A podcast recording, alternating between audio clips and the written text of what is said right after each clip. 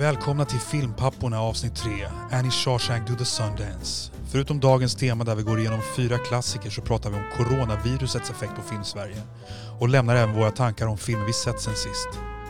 Som vanligt så förekommer spoilers för äldre filmer men de som fortfarande går på bio eller är färskt tillgängliga på annat sätt håller vi fria från stora spoilers. Åtminstone inte utan en ordentlig varning. Podden är möjliggjord av redovisningsbyrån Ekonomihjälpen som återfinns i Tyresö strax utanför Stockholm. Och nu till våra värdar. Robert Lindblad och jag själv, Oliver Grassman.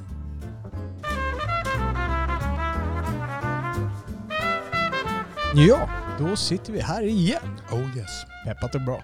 Eh, förra veckan så höll jag på att säga, men det var två veckor sedan, så snackade vi om eh, Scorsese. Mm. Och eh, den här veckan så hade vi ett tema med fyra klassiker som eh, vi har sett och sett om lite i olika utsträckning. Yes, fyra klassiker, fyra olika decennier. Exakt. 60, 70, 80 och 90-talet har vi Mm. plockat de här fyra klasserna, en från varje. Bland annat, utan att ge några mer än så här, bland annat världens bästa film tydligen. I alla fall om man frågar IMDB. Ja, är den, är den bäst igen nu? Nummer ett. Ja, För jag har sett att den har gått upp och ner mellan typ första och tredje plats. Ja, okej, vad mm. osäker jag blev nu. Nej men den är säkert bäst nu. Måste gå in och fact-checka det här. Ja. Det, på tal om det så kommer korrekturavdelningen alldeles strax och fact-checka våran Scorsese, vårt Scorsese-avsnitt. Ja, det är en halvtimme långt då eller? Ja, exakt. Så en halvtimme lång ska vi Mm. gå igenom allting som är så galet där. En sak jag satt och tänkte på, Oliver, vad är din bästa bioupplevelse någonsin? Och då menar jag inte vilken är den bästa filmen du har sett, utan upplevelsen liksom. Själva. Ja, det finns ju så många olika upplevelser. Man har ju, jag har ju pratat om dåliga dejter på bio. Det blir ingen bio, eh, biodateupplevelse. Eh, men eh, faktum är att den mest minnesvärda bioupplevelse för min del, det var när jag gick på bio själv faktiskt. Oj. En gång. Eh, jag inte helt säker på vilken biograf det var. Jag tror faktiskt att det, jag tror faktiskt att det var stora, stora salen på Rigoletto i Stockholm. Så en stor sal. Om, om du lyckas gissa vilken film det här är, då, då bjuder jag dig på tre rätters. Eh, Det är alltså, vi snackar år 2001 eh, och komedi. Oj, Dum och Dummare? Nej, det är helt fel. Ja. Okej. Dude, where's my car? Ja, okej. Det var bara någonting i, jag gick in där och eh, kom i rätt ställning. Den var, den var liksom, det är en ganska kul, den är, liksom, den är både rolig och fruktansvärt dålig på samma gång. Jag håller med exakt om den analysen. Ja, ja. Ja.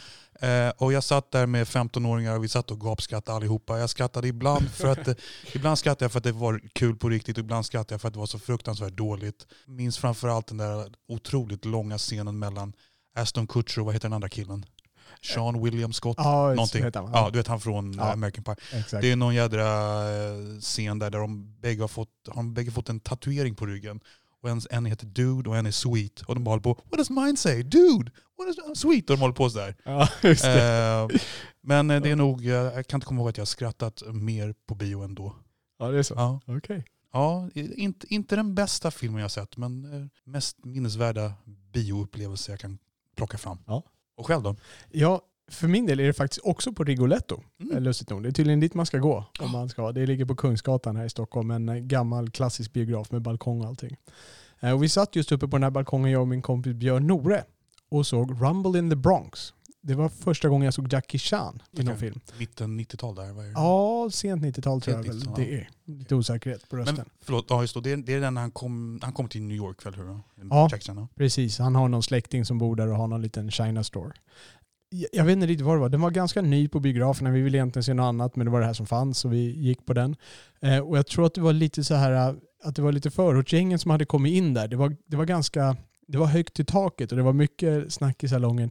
Men alla var med på, på åkturen så att säga. Det var, eh, man jublade när det var grejer där, man applåderade, man tjoade när han hoppade och skuttade. Liksom. Det, var, det, var en, eh, det var som att vara på en fotbollsmatch. Liksom. Man var engagerad på samma sätt. Man satt inte i mjölker i biosalongen och, och åtnjöt eh, känslosvängningar i det tysta, utan här var det, här var det fotbollshuliganer som stod och skrek.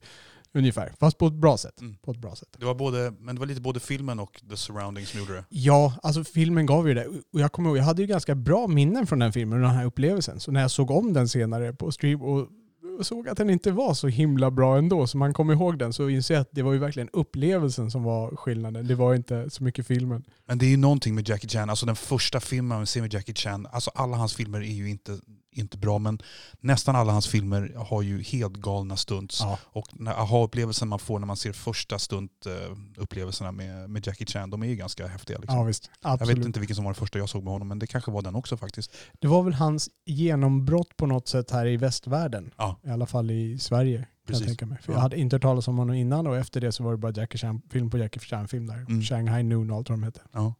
Jag kommer, förlåt, jag kommer faktiskt på vilken var senaste, eh, första jag såg. Ja. En som heter, eh, vad heter den? Cop Story.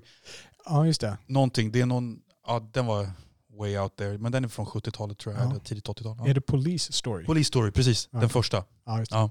ja, det är ju en av hans mest kända som jag inte har sett. Nej. Men det, den är väl, det är väl en Hongkong-film, eller hur? Det är Hongkong. Ja, exakt. Precis. Jag tror inte jag, tror inte jag har sett mer än en kanske Hongkong-film med honom, men sen har jag bara sett väst, Ja. eh, västvärldsfilmerna, jag på att säga. Så det. Vi pratade ju Scorsese förra gången och då, jag är ju inne på det här med filmmusik och du rekommenderade en hel del soundtracks. Så jag satt faktiskt och lyssnade igenom eh, soundtracken till en del filmer där. Jag lyssnade på Tax Driver Mm. och jag varit förvånad över soundtracket. För att jag kommer inte alls ihåg att det var så mycket drama. Jag kommer ihåg den här uh, mysiga... Saxofonslingan. Ja. Ja. Precis, den mysiga bakgrundsjazzen. Men om man tar den här, äh, jag, jag kommer inte ihåg vad den hette, Taxi Driver Theme, men den som är huvudgrejen.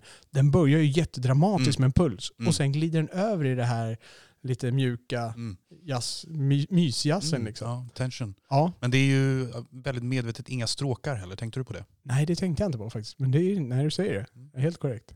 Ja, det är häftigt. Men du känner till filmmusiken? Eh, mm, jag, Bernard skulle, Herrmann? eh, jag skulle vilja säga ja, Mm. nej. Gjort mycket Hitchcock-filmer. Det där var Aha. hans sista soundtrack. Han, han dog någon vecka efter att han blev klar med soundtracket. Okej.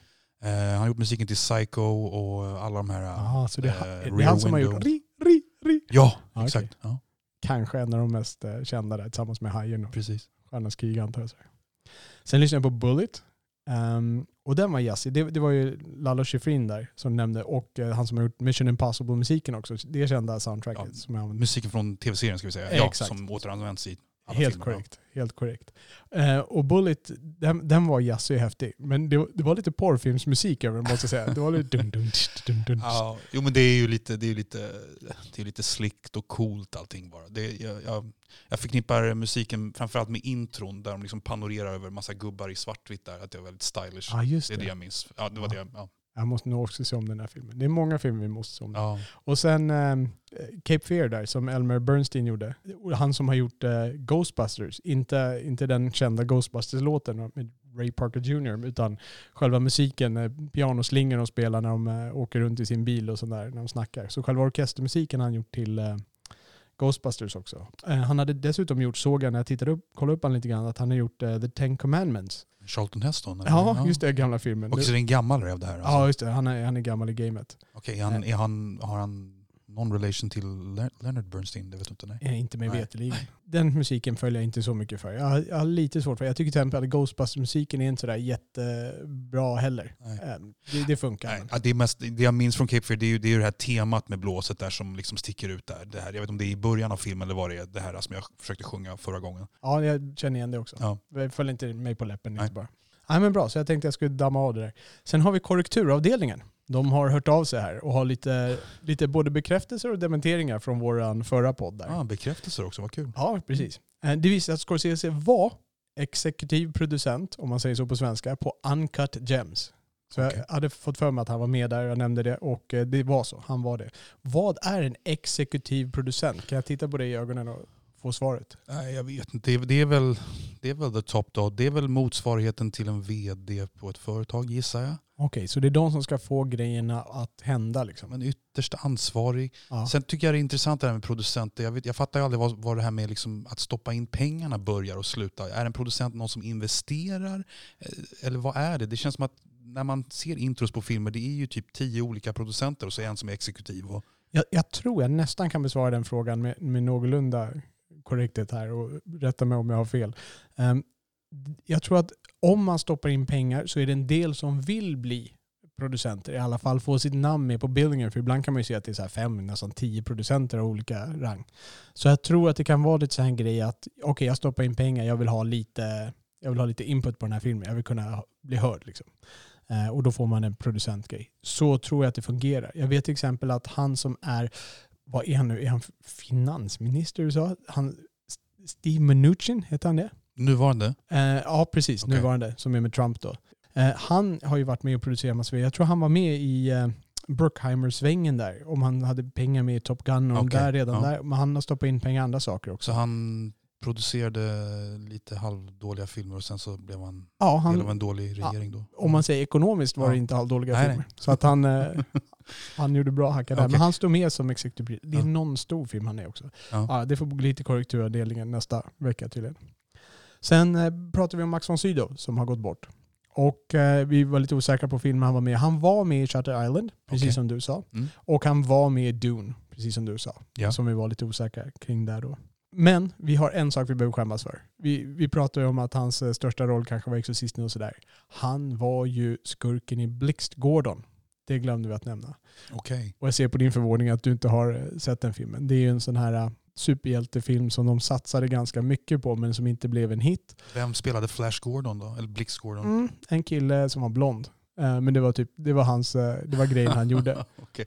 Men han var liksom, okej det här var en stor satsning han var med i i alla fall. Ja, Ja. Det var det. Och där hade han ju stor, han spelade ju Ming tror jag han heter, eh, Okej. som är skurken. Ja. Och du såg den här när du var liten eller? Eh, ja, jag såg den när jag var halvliten faktiskt. Inte Okej. när jag var skitliten. Den är, den är helt klart campy, som man säger på amerikanska. Men den, är, den har fått en kultstatus och det förtjänar den. Den är, den är mysig att titta på, på något sätt, tycker jag. Okej. Eh, det funkar. Sen var det Thelma Schoonmaker, som är Scorseses Klippare? klippare. Ja. Och jag nämnde att hon hade en namncameo i Age of Innocence och det var mycket riktigt så. Det fanns en Schoonmakers Painters Supply Store stod det på en vägg där när hon går förbi. Okej. Så att det var en liten name drop till henne bara i Age of Innocence. Aha, okej. Jag hade, jag hade för mig det och nämnde det. All right. Så. Kolla, passade du på att kolla upp om, om hon fortfarande klipper hans filmer och sådär? En, nej, det gjorde jag inte. Nej. Så ja, nu får vi med till korrekturavdelningen Ja, ja. nästa gång. Men hon är ju klipparen från The Glory Days i alla fall. Hon har ju klippt Raging Bull och jag tror att jag hade rätt där på att hon faktiskt vann en Oscar, eller hur? Ehm, jag får tydligen kolla upp det här till nästa gång. Nej korrekturavdelningen. men vad fan, förlåt. Ja. Jag ska inte hålla Sluta på. ställa frågor jag inte har Okej. svar på. Jag hade tid med det. Uh, ja, men det är bra. Eh, sen var det Jake LaMotta. Vi pratade om att han blev ganska gammal och han blev mycket gammal. Han var född 1922 och han dog 2017. Han var alltså 95 bast gammal. Och han boxades på 40-talet in på 50-talet. Jag tror jag sa 50-60, men han boxades alltså 40-talet en bit in på 50-talet. Det var då som var hans Ja. dagar. Det är det vi ser huvudsakligen i filmen. Då. Bra gener måste jag säga. Först slår man varandra i huvudet och så blir man 95 år gammal. Ja, precis. Ja. Paul Schrader, han skrev mycket riktigt delar av Raging Bull. Det var också någonting vi tog upp. Och Frank Vincent, som jag nämnde där, att han var med i många Scorsese-filmer. Han är egentligen inte med i så många när man väl kollar upp honom. Jag kommer bara ihåg honom från flera. Han var mycket riktigt med i Casino, men han var inte med i Taxi Driver, som jag hade fått för mig. Det var Frank Vincent, som man senare såg i Sopranos, som en av eh, huvudantagonisterna där sista säsongen. Bra, det var korrekturavdelningen. Vad har vi sett sen eh, senast? Vad har du sett? Eh, jag har faktiskt sett två dokumentärer på Netflix. Vad blir det då? Eh, en som heter Miles Davis Birth of the Cool. Aha, och du är ju lite jazzintresserad, så Ja, därav temat. Absolut. Och du och jag har ju lite relation kring Miles. Jag har ju babblat ganska mycket om Miles. Jag har läst hans självbiografi och lyssnat mycket på hans musik och läst diverse eh, biografier. Och, ja, jag har verkligen studerat Miles ganska mycket. Den här filmen var, den var jag, så jag kunde ju i princip allting. Jag vet ju när han bytte till den musiken och när han knarkade och när han hade den, den frun som han behandlade illa och så vidare. Jag, jag kan ju det mesta. Men jag tycker ändå att den var väldigt sevärd eh, för mig. Nya perspektiv och, och så. Jag tycker faktiskt att du ska se den någon gång så kan vi prata igenom den lite mer utförligt. Det skulle vara kul att höra ditt perspektiv. Vi, vi kommer väl att prata lite om dokumentärer också. Att, äh, dokumentärer, det är ju på något sätt så, ämnet är ju dokumentär. Man snackar kanske inte så mycket om hur en dokumentär är gjord ofta. Men det skulle vara kul med, att höra från dig med dina outsiders eyes. Du är ju ingen stor Miles Davis-fan men du är ju filmfan. Det skulle vara kul att höra vad du tycker om den dokumentären från en film, filmviewers perspektiv lite grann. Jag blir genast intresserad. Ja. Ja. Sen såg jag faktiskt en till dokumentär om en jazzmusiker som heter Chasing the Train. Aha. Som handlar om eh, John Coltrane som, spe, t- som, tänkte precis säga det. Ja, ja, visst. Ja. som spelade ihop med Miles Davis eh, sent 50-tal. Han spelade Saxofon. saxofon. Tenorsax, ja. Och han, eh, han, är års, han var ju årsbarn med Miles. Okej, lika Eh, gamla. Ja. Och hade, men hade en krokigare bana än Miles skulle jag säga. Alltså, det, det finns ju sam, lite samma element, han har haft drogproblem och, och sådana där grejer. Så dog han mycket tidigare än Miles. Eh, men den är ganska inspirerande faktiskt för att han, har, han, har så mycket, han hade så mycket motgångar. Ja. Och då snackar jag liksom inte om drogen utan jag snackar om dåligt självförtroende och han var inte liksom han var inget, ingen superbegåvning i folks ögon straight away utan det kom ganska sakta men säkert. Betydligt mer sympatisk person än Miles. Så var, jag tyckte nästan mer om den faktiskt. Men som sagt jag kan betydligt mindre om John Coltrane Okay. än om Miles Davis. Så jag hade lite mer novelty där. Om man tänker sig spelfilmer om jazzmusiker. Finns det några spelfilmer som är värdiga? Jag vet, vi hade ju Bird, hette väl filmen? Mm, av, av Clinton. Ja. Ja, precis. Med, av Clinton med Force Whitaker. Ja. Forrest Whitaker som huvudpersonen. där. Och Bird, är det Herbie Hancock? Nej, Nej, okej. nu, nu skojar du med mig. Nej jag skojade inte Nej, med det. Men jag inser att jag kommer få stryk sen. Oliver. Ja, ja, det här får du stryk. Ja. Nej men Bird det var, det var Charlie Parker. Charlie Parker Ja, det förstås. Ja, ja. Jag visste det egentligen. Ja. Och det, det är inte någon jättebra film tycker jag. Eh, Nej. mad props till Clinton att han tog sig samman och gjorde en film om, om, eh, om Charlie Parker på 80-talet. Eh, Det var lite av en risk, men den är ganska, den är ganska trög och långsam. Och sen vet jag många jazzmusiker som tycker att det där var en, en bullshit-film. Faktiskt. Väldigt bra gestaltning av Forrest Whitaker. Har du sett den här filmen? Nej, jag har sett bitar av den bara. Ja, den är inte speciellt bra alltså. Nej, jag, tyckte inte, jag tyckte den verkade ganska deppig och Ja, den är- seg. Och, ja. alltså, om jag säger meningslös så menar jag att den, alltså, det fanns inget driv i filmen. Det Nej. fanns inget syfte i Nej, filmen. Liksom. nej. Det, är ju, det, det är ju ett sorgligt liv, men, men man hade kunnat göra den betydligt bättre faktiskt. Ja. Eh, sen finns det en annan film som kom två, tre år innan som heter Roundabout Midnight. Med jazzmusikern Dexter Gordon i huvudrollen som en saxofonist som eh, har druckit lite för mycket som flyttade till Paris i slutet på 50-talet. Okej. Om jag minns rätt så är han den där karaktären, jag kommer inte ihåg vad han heter, men han är någon slags kombo av Lester Young och Bud Powell. Och det var en fransk regissör som heter Bertrand Tavernier. Martin Scorsese har en cameo som skådis. Oj. Och här kan vi då stoppa in Herbie Hancock som gjorde filmmusiken och var med och agerade i filmen. Det är en sympatisk, ganska gripande film. Ja. Är det, Sen har vi, är, ja, det är det den bästa jazzfilmen? Alltså spelfilm om en jazzmusiker? som jag kommer på nu. Ja. Ja. Så det är de två filmer jag har sett. Jag har faktiskt också två filmer jag sett och nu är det utöver att jag har sett och sett om lite av det som är temat sen. Eh, Jag såg Silence. Vi Okej. pratade om Scorsese förra veckan och Mm. det var en av de filmer jag inte hann med. Som jag såg då. Och det handlar ju om ett par eh, missionärer. Det är två unga missionärer som åker för att leta efter sin gamla mästare som sägs ha konverterat, eller i alla fall avsagt sig kristendomen där borta. Att japanerna då har knäckt honom i ryktet. Och de ska åka dit och hitta honom för de kan inte tro det här, att han skulle ha gett upp det här. Så de åker över dit och så börjar de leta efter honom. Och de kristna i Japan är ju eh, persecuted, vad säger man på svenska? Ja, eh, förföljda. Förföljda, tack. Ja. Så de hamnar i en by där de hittar då en del kristna och sen så får de vara med på den här hur de blir förföljda genom, genom ditten och datten. Och de far lite hit och dit i landet till början. Men hela tiden jagade och förtryckta. I jakten då på att slutligen hitta sin mästare. Och mästaren då spelad av Liam Neeson. Det är Adam Driver. Vad heter den andra killen? Han som var Spindelmannen mellanversionen. Nu tappar jag Men namnet på honom. heter inte han Andrew Garfield? Jo, Andrew ja. Garfield. Tack. Ja. eh, som spelar de här rollerna. Och det var väl en, eh, det var väl en okej film, men precis som med Temptation of Christ, Last Temptation of Christ, så hade jag nog förväntat mig att få någon spirituell frågeställning, återigen av Scorsese, som jag inte riktigt fick. Eh, den handlar mycket om, eh, om tro och vad det är och att, att behålla sin tro, att kämpa för sin tro. Inte, inte sådär, återigen, som, inte, som man kan förvänta sig, att inte så upp, upptryckt i ansiktet, men det är undertonen hela tiden. Så återigen, fin film, inte riktigt det där, alltså den är inte dålig på något sätt, men inte riktigt den här eh, sista touchen känner jag att jag, jag fick inte ut så jättemycket av den. Eh, jag såg filmen, eh, jag var intresserad hela tiden, men jag lämnades inte med några jättestora intryck. Där. Och Andrew Garfield, jag tror han kommer lite till korta. Man skulle nog ha vänt på rollerna där, för det handlar lite mer om Andrew Garfield än en driver. Och jag tror att filmen hade mått bra om man hade bytt. För Adam Driver är en mycket mer, mycket skickligare skådespelare. Och skulle kunna leverera mycket mer passion och känsla i den rollen tror jag. Som man behövde i och med att Andrew Garfield var den man följde. Mesta. Och hur porträtteras japanerna skulle du säga? Då? Är det en... Alltså jag, jag tror nog att jag har ingenting att invända där. Jag vet ju inte hur sanningshalten i de här metoderna de använder och sånt där. Men det är ju liksom, det är både psykologisk och fysisk tortyr de använder då för att eh, vinna kampen mot kristendomen ungefär. Jag skulle inte kunna, jag skulle kunna tro att det kan vara en hyfsad avspegling utifrån det jag känner till om japanska samhället. Okej. Ja. Ja. Var, den, var den lång, filmen? Ja, Scorsese lång, två och en halv timme. Okej. Typ sådär, om jag minns rätt. Sen, hade, sen såg jag, jag såg om faktiskt, med min eh, son såg jag om Min granne Totoro.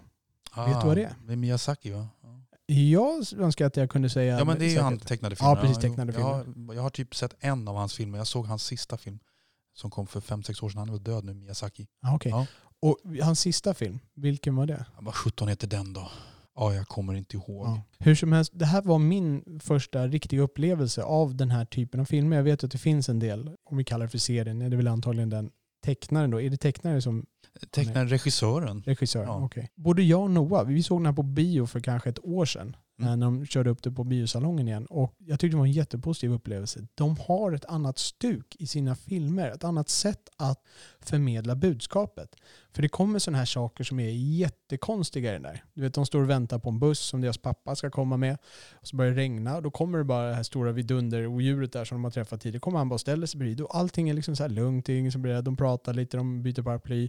Sen kommer en kattbuss. Det är en buss som är en katt. Som de kliver. Och när vi sitter och pratar så här så låter det här, det låter ju helt psycho liksom. Vad, Mm. vad, vad har de rökt på innan de skrev den här rullen? Men på något sätt funkar det för att budskapet kommer fram. Jag får ett budskap av den här filmen. Jag får en känsla av den här filmen. Men det är paketerat på ett annat sätt än vad vi är vana vid i uppvuxna med Disney och nu Mm. senare år Pixar. Där det är lite mer on your nose, där det är lite mer förklarat, lite mer rationellt. Ja. Här är det lite mer emotionellt förmedlat. Man använder de här bilderna, ljuden, eh, karaktärerna för att förmedla budskapet på ett mindre uttalat sätt. Jag minns, att den, ja, jag minns den sista filmen, jag inte kommer ihåg vad den heter, att, att det, var, det var ganska emotionellt och att det var, jag fick känslan av att, att filmen kanske hade lite, den filmen hade lite, väl, hade lite väl många budskap på samma gång. Att det, blev Okej. liksom, liksom en, det blev mer som en stor känsla av många budskap som liksom rullades fram på ett väldigt vackert och poetiskt sätt men på gränsen till lite pretentiöst som jag minns det, den filmen. Okej. Ja. Vad, skulle du säga att det var en bra film? Jo men det var en bra film. Ja. Ingen, ingen fantastisk film men den var bra. Eh, Ja. Vi får berätta vilken film detta är i korrekturen tror jag. Korrekturavdelningen nästa gång. Ungefär två timmars podcast med korrektur bara. Mm. Alltså det var filmen jag har sett. Ska vi gå in på våra nyhetssegment? Det kan vi göra. Och vi klarar ju inte av att ha ett nyhetssegment utan att nämna coronaviruset. Yes. För den har ju minst sagt påverkat vår svenska filmvärld. Jag hade gjort en lista på eh, filmer för jag skulle prata lite om de som hade gått upp en premiär på bio. Men det är ingen idé att göra längre för Nej. att bion har stängt. Precis. Först så drog de ner då till att det skulle bara vara 100 personer per salong och sen så bestämde de för att stänga helt. Och det var den här stora kedjan AMC som äger Filmstaden och massa andra kedjor runt om i Europa. De stängde Europa. Mm. De bara locket på. Så att allt är stängt där. Eh, vilket känns eh, tråkigt men förståeligt. Eh, så att den listan med premiärer, det är väl inte så mycket där. Det var en film där jag var lite nyfiken på att prata med dig om. Jag kan, kan slänga upp den ändå. För jag vet att det de har gjort är att de har ju börjat streama de här filmerna. Universals filmer, Filmer som skulle ha gått på bio. exakt, Okej. biofilmer kommer att streama. Universal streamar på SF Anytime nu och det är tal om att fler filmer ska komma. Mm. Sen har ju Hollywood skjutit upp en massa filmer också. Bond har blivit pushad och det var någon film de flyttade ett helt år. Var det Top Gun de flyttade nästa år? Jag kommer inte Ja. ihåg. Korrekturavdelningen. Här kommer det mer.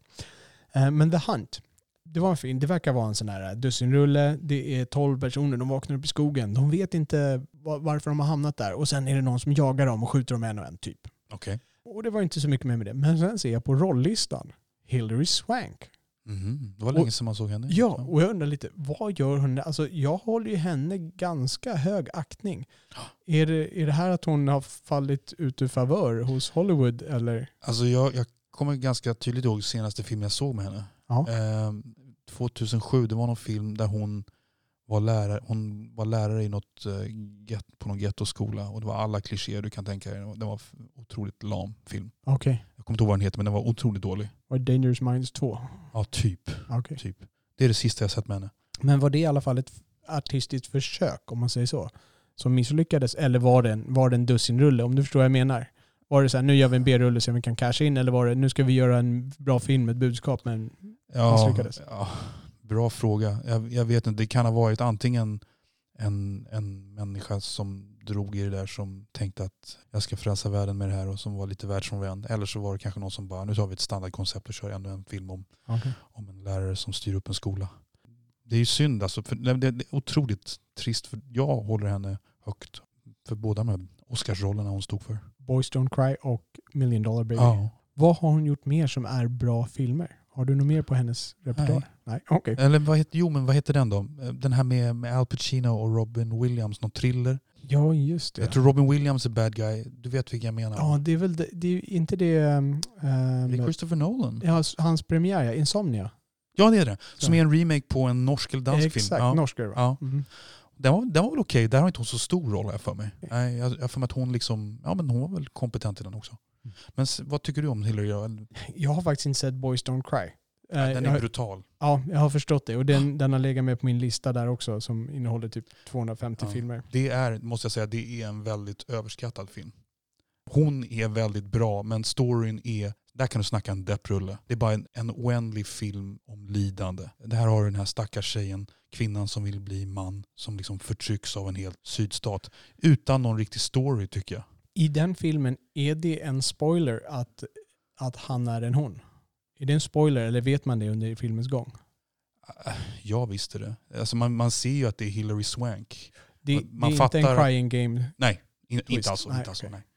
Ja, Men, eh, men det här är alltså lite nyhetens behag att hon är med i den här filmen du pratar om nu. Ja, precis. Och jag var lite förvånad att hon var med i den typen av film. Eh, Så det var därför jag egentligen ville lyfta fram den. Den, har, eh, den verkar inte ha fått så bra betyg på IMDB om man går in, men det är bara 13 000 än så länge. Mm. Bion är väl, jag vet inte om bion är stängd i USA, men jag misstänker att det inte är så jättemånga som går där heller. Det fanns en annan film, Corpus Christi, som jag tyckte verkade intressant. Eh, som handlade om en, en som försöker hitta, han har haft ett dåligt liv och jag tror han har haft lite alkoholproblem och han reser till någon ort, var i Norge och sen eh, låtsas han vara en präst och det bara går, folket går igång och han, liksom, han får en status i den här staden men sen kommer hans, tyvärr hans gamla liv och kapp honom och bla bla bla verkar det vara som. Men jag har varit nyfiken på att se den också i alla fall. Jag tänkte avsluta nyhetssegmentet här. Har vi några flandra nyheter? Jag vet, vi har ju lite kändisar som har blivit sjuka. Tom Hanks är ju mest känd. Det hade vi redan förra gången. Är det några fler som är Idris Elba? Idris Elba, ja, just det. Ja, Mm. jag tänker nog, nej, jag. Boris Johnson, men han är inte Nej, ingen skådis. Nej B-skådis. Ja. Ja, då var det inte så mycket med det. Jag tänkte ge ett tips till, till våra lyssnare. I och med att vi kanske streamar väldigt mycket film nu. Det finns en sajt som heter vodeville.se. V-O-D-E-V-I-L-L-E.se. E Jag kommer lägga en länk till den här i, i avsnittsanteckningarna också. Där kan man gå in och skriva in vad det är för film man vill se. Och då kommer det upp en lista på de sajter som streamar den, om det är Netflix eller de sajter man kan köpa den på, om den ligger, finns på iTunes eller Xbox. Så den, är, den gör det väldigt lätt att hitta filmer istället för att sitta och titta igenom både Viaplay och C More och Netflix för att hitta den här filmen. Så kan man gå in dit och bara kolla upp vart den ligger. Bra namn också, Vaudeville. Ja, vad, vad, vad är det för det? Ja, men Vaudeville-artist, jag borde veta. Okej. Det, det, jag vet inte. Jaha, innan vi hoppar över på vårt temasegment så tänkte jag tacka vår eh, sponsor. Vi sitter ju här tack vare att eh, Ekonomihjälpen har möjliggjort det här. Vi lånar deras lokaler, vi lånar deras utrustning och Ekonomihjälpen är en redovisningsbyrå eh, som har sitt kontor här i Tyresö men de jobbar i Stockholm, främst på Södertörn och in i city. Eh, det som Ekonomihjälpen gör just nu är att de försöker hjälpa till så mycket de kan i de här tiderna med att sprida bra information. För det finns mycket rykten där ute om de här ekonomiska åtgärderna som regeringen har vidtagit. De försöker sålla i det här, förklara vad som gäller och vad som inte gäller och vad vi inte vet. För det är också en viktig fråga. Vad är det vi inte vet än så länge? Och de har tryckt upp en ny hemsida för att kunna ha en blogg och de eh, poddar om det här också. Så att jag kan rekommendera, har ni företag, vill ha information om det här, gå in på ekonomihjälpen.se. Där finns företagarbloggen, där det finns både inlägg, där det finns poddar. De gör intervjuer med företagare också för att lyssna hur de hanterar coronakrisen, hur det påverkar dem, vilka åtgärder de vidtar. Så ekonomihjälpen.se, där hittar ni Företagarpodden. Vi tackar Ekonomihjälpen för att de har möjliggjort den här podden. Tack. Då är det dags för temat. Så vi har alltså sett fyra klassiker. Ja, hur, ehm, hur tänkte vi när vi valde dem? Kommer du ihåg det? Vi kom ju in på att vi skulle plocka en från varje årtionde. Ja. Och sen var det egentligen bara förslag som slängdes upp och tills vi såg vad som passade. Ja, jag tycker vi fick till en viss bredd i innehållet ändå. Ja visst. Och det, det vart ju fyra ganska olika filmer måste jag säga. Ja. De skiljer sig vitt och brett. Mm. Ska vi avslöja vilka filmer det är eller ska vi rulla ut dem sagt? Vår avsnittstitel har ju redan eh, lite ledtrådar i sig. Ja, den bekräftar vilka Ja. det är nu. Då har vi då från 60-talet så är det Butch Cassidy and the Sundance Kid. Från Correct. 70-talet. 1969, Helt korrekt, så de var sista minuten för att Ja. vara med där. Ja. Från 70-talet hade vi Annie Hall, av Woody Allen, Helt korrekt. Och från 80-talet så valde vi Do the right thing, gjord av, Spike Lee. måste man säga, Spike Lee Joint. Inte om man pratar svenska tycker jag. Var det första filmen som var en Spike Lee Joint eller var, var det hans första film överhuvudtaget? Nej, han gjorde några, någon okänd film eller två innan det. Ja. Ja. För de som inte vet så brukar Spike Lees filmer kallas a Spike Lee Joint. Ja. Och sen då från 90-talet, och det är här den kommer, den bästa filmen genom tiderna enligt IMDB. Det är The Shawshank Redemption. på svenska kallad Oj, jag, jag vet inte. Nyckeln till frihet. Nyckeln till frihet of course. Ja. Den, den har ganska roliga titlar runt omkring. För att i novellen som Stephen King har skrivit som den här är baserad på Mm. så hette den, eh, den heter någonting Shawshank och, och så Och Rita Hayworth. Rita Hayworth, ja, Mm. precis. För att han har, det är en plansch på Rita Hayworth som figurerar i den här filmen. Det, det valde de att inte ha den titeln, men i en del länder, jag tror i Finland så har de valt den titeln nästan ordagrant. För där är Rita Hayworth med, eller Friheten genom Rita Hayworth eller någonting heter på finska. Okej. olika länder har verkligen tolkat den här titeln väldigt fritt och det är få som har Shawshank med då som Mm. originaltiteln faktiskt är. Låt oss kliva in på Butch Cassidy and the Sundance Kid. Vad, vad tyckte du om den här filmen? Hade du sett filmen innan? Nej, jag har faktiskt inte sett den. Jag har sett den andra buddy movien med Paul Newman och Robert Redford. The Sting. The Sting, blåsningen. Ja. Samma regissör. Det är samma regissör? Ja. Ja. Jag tror den här regissören är väl, är väl känd för just de här två filmerna, punkt i princip. Han gjorde Slapshot också. Ah, okej, Med så han är Newman. riktigt... Vad är han heter? George Roy Miller? Vad heter han? Någonting. Precis. Ja, Nej, George Roy Hill. Joyce Roy, ja just det, ja, precis. Nej men det var första gången, kom 1969 alltså, jag tänkte på det att det är alltså samma år som Easy Rider kommer också. Ja, just det. Så det är ett så här um, viktigt år för the, the buddy movie Verkligen. kan man säga. Eh, jag såg den och eh, var väl inte jätteimponerad. Jag tycker att den börjar otroligt stilistiskt och snyggt i någon slags svartvitt med någon slags orange-gul ton. Ja, lite sepia skrev jag. Och eh, det, jag vet inte om, om tanken är att, att, att det där liksom är någon slags liten, sen byter de ju då till vanlig, eh, vanlig färg. Att det där är någon slags liten återblick kring deras glory days när de var på topp. Om det är det de försöker förmedla, eventuellt. Ja, det, det börjar ju med att det är en, det är en spelfilm, alltså en sån här äldsta typen av spelfilm som rullar liksom, som man, se, som man ser på väggen där, eh, där det inte finns något ljud, det är en stumfilm liksom, och de rider sådär lite snabbt och stolpigt och Mm. gamla typen av film liksom, som man såg från 1930-talet. Och då, då är den lite sepia-färgad och man ser hur de här rider fram och det är fortfarande Paul Newman. Men då är det som någon tillbakablick, ungefär som de hade, i efterhand hade gjort en spelfilm 1920-1930 om Bush Cassidy and the Sundance Mm. Kid. Eh, och de rider fram och rånar något tåg och så rider de bort eh, när de blir jagade. Sen när det går över till den riktiga spelfilmen då släpper de inte den här som jag kallar sepia-tonen. Utan de har kvar den här lite gulaktiga under de första scenen när de här karaktärerna introduceras. Ja, det är den, det är den jag menar. Det var Ja. jag menade. Ja. Precis. Och sen först när de rider iväg från den här staden då går det sakta över till färg på Mm. ett snyggt sätt. Ja, alltså den var otroligt snyggt fotograferad film. Väl, verkligen. Alltså verkligen, jag kollade upp det. Conrad Hall, om jag minns rätt, jag har inte kollat det här, men jag tror att, det, jag tror att han senare fotograferade American Beauty. Ja. Så det är en sån riktigt erkänd fotograf. Jättesnyggt fotograferad, bra skådespelat, framförallt av Paul Newman måste jag säga. Jag måste säga han, är, han var verkligen en skådespelare tycker jag. Och han spelar en lite annorlunda roll mot vad han brukar Ja. göra. För han är lite, alltså han är lite pajas. Alltså Ja. väldigt lite, men han är lite pajas. Ja. Han är åt det hållet liksom. Han är en pajas som låter sig hunsas av den yngre och mer karismatiska unge mannen i Robert Redford skulle man kunna säga. Precis. Sen, nej jag tappade lite intresset för det här. Ehm, jag- tänkte lite på det, jag har kommit fram till att problemet med den här filmen är att den bestämmer sig aldrig riktigt för vad det är för sorts film. Jättebra uttryck. Ja. Är det en komedi eller är det ett drama? Var, liksom, var lägger vi ribban någonstans? Du har de här två killarna som har någon liten bromance. Robert Redfords karaktär är ihop med en tjej som Paul Newman typ trånar efter. Men det där utforskas inte riktigt utan det som är mer som en liten ganska överflödig detalj i filmen tycker jag. Ja. Och, och sen det är, ju, det är ju ett skitsorgligt tema det här. Du har två eh, banditer som liksom har sina glory days bakom sig som blir helt utkonkurrerade av någon annan liga. Som tvingas fly till Bolivia och så blir de dödade på slutet. Och liksom så håller de på och skojar samtidigt. Alltså, jag, är, jag gillar drama och gillar komedi. Men ni får fan bestämma er. Antingen är det här ett skitsorgligt drama, det hade blivit mycket bättre då tänker jag. Eller så är det en komedi när ni wisecrackar mot varandra från början till slut. Bestäm er kände jag bara. För de har ju väldigt mycket, alltså, dialogen dem emellan för att vara liksom en film från 60-talet, den är ganska snärt och snabb. Ja. Det är skämt vi känner igen nu, men jag tror att på den här tiden var de nog ganska nya och, Mm. och den typen av dialog. Man ser mycket av, som man kan se Dödligt vapen med Mel Gibson och Danny Glover, hur de kommenterar grejer när action händer och sådär. Man kan se lite av det stuket där, hur det kanske började ta form där. För jag kan inte komma ihåg några äldre filmer Nej. som har den typen av stuk. Så jag tror att det kan ha varit en fräsch grej på den tiden. Mm.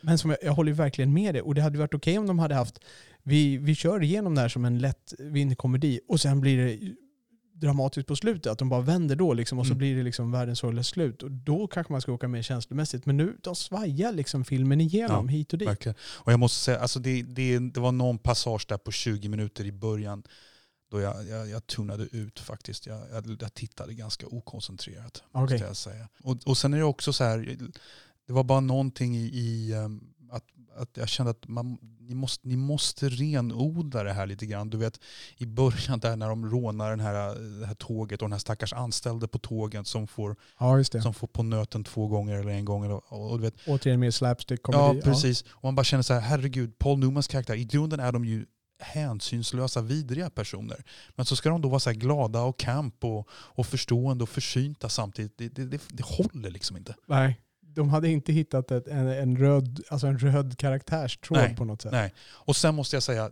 jag gillar, jag gillar Robert Redford. Och det där var väl en ganska, alltså sen den Robert Redford som, kom, som sakta växer fram sen under hela hans karriär, det är ju att han är väldigt elegant och laid back och så här. Och här är en annan sorts eh, Robert Redford. Jag har lite svårt att se honom i den här rollen. Jag hade velat ha någon, någon som man förknippar med lite mer eh, hets, hetsiga roller faktiskt. Ja. Ja.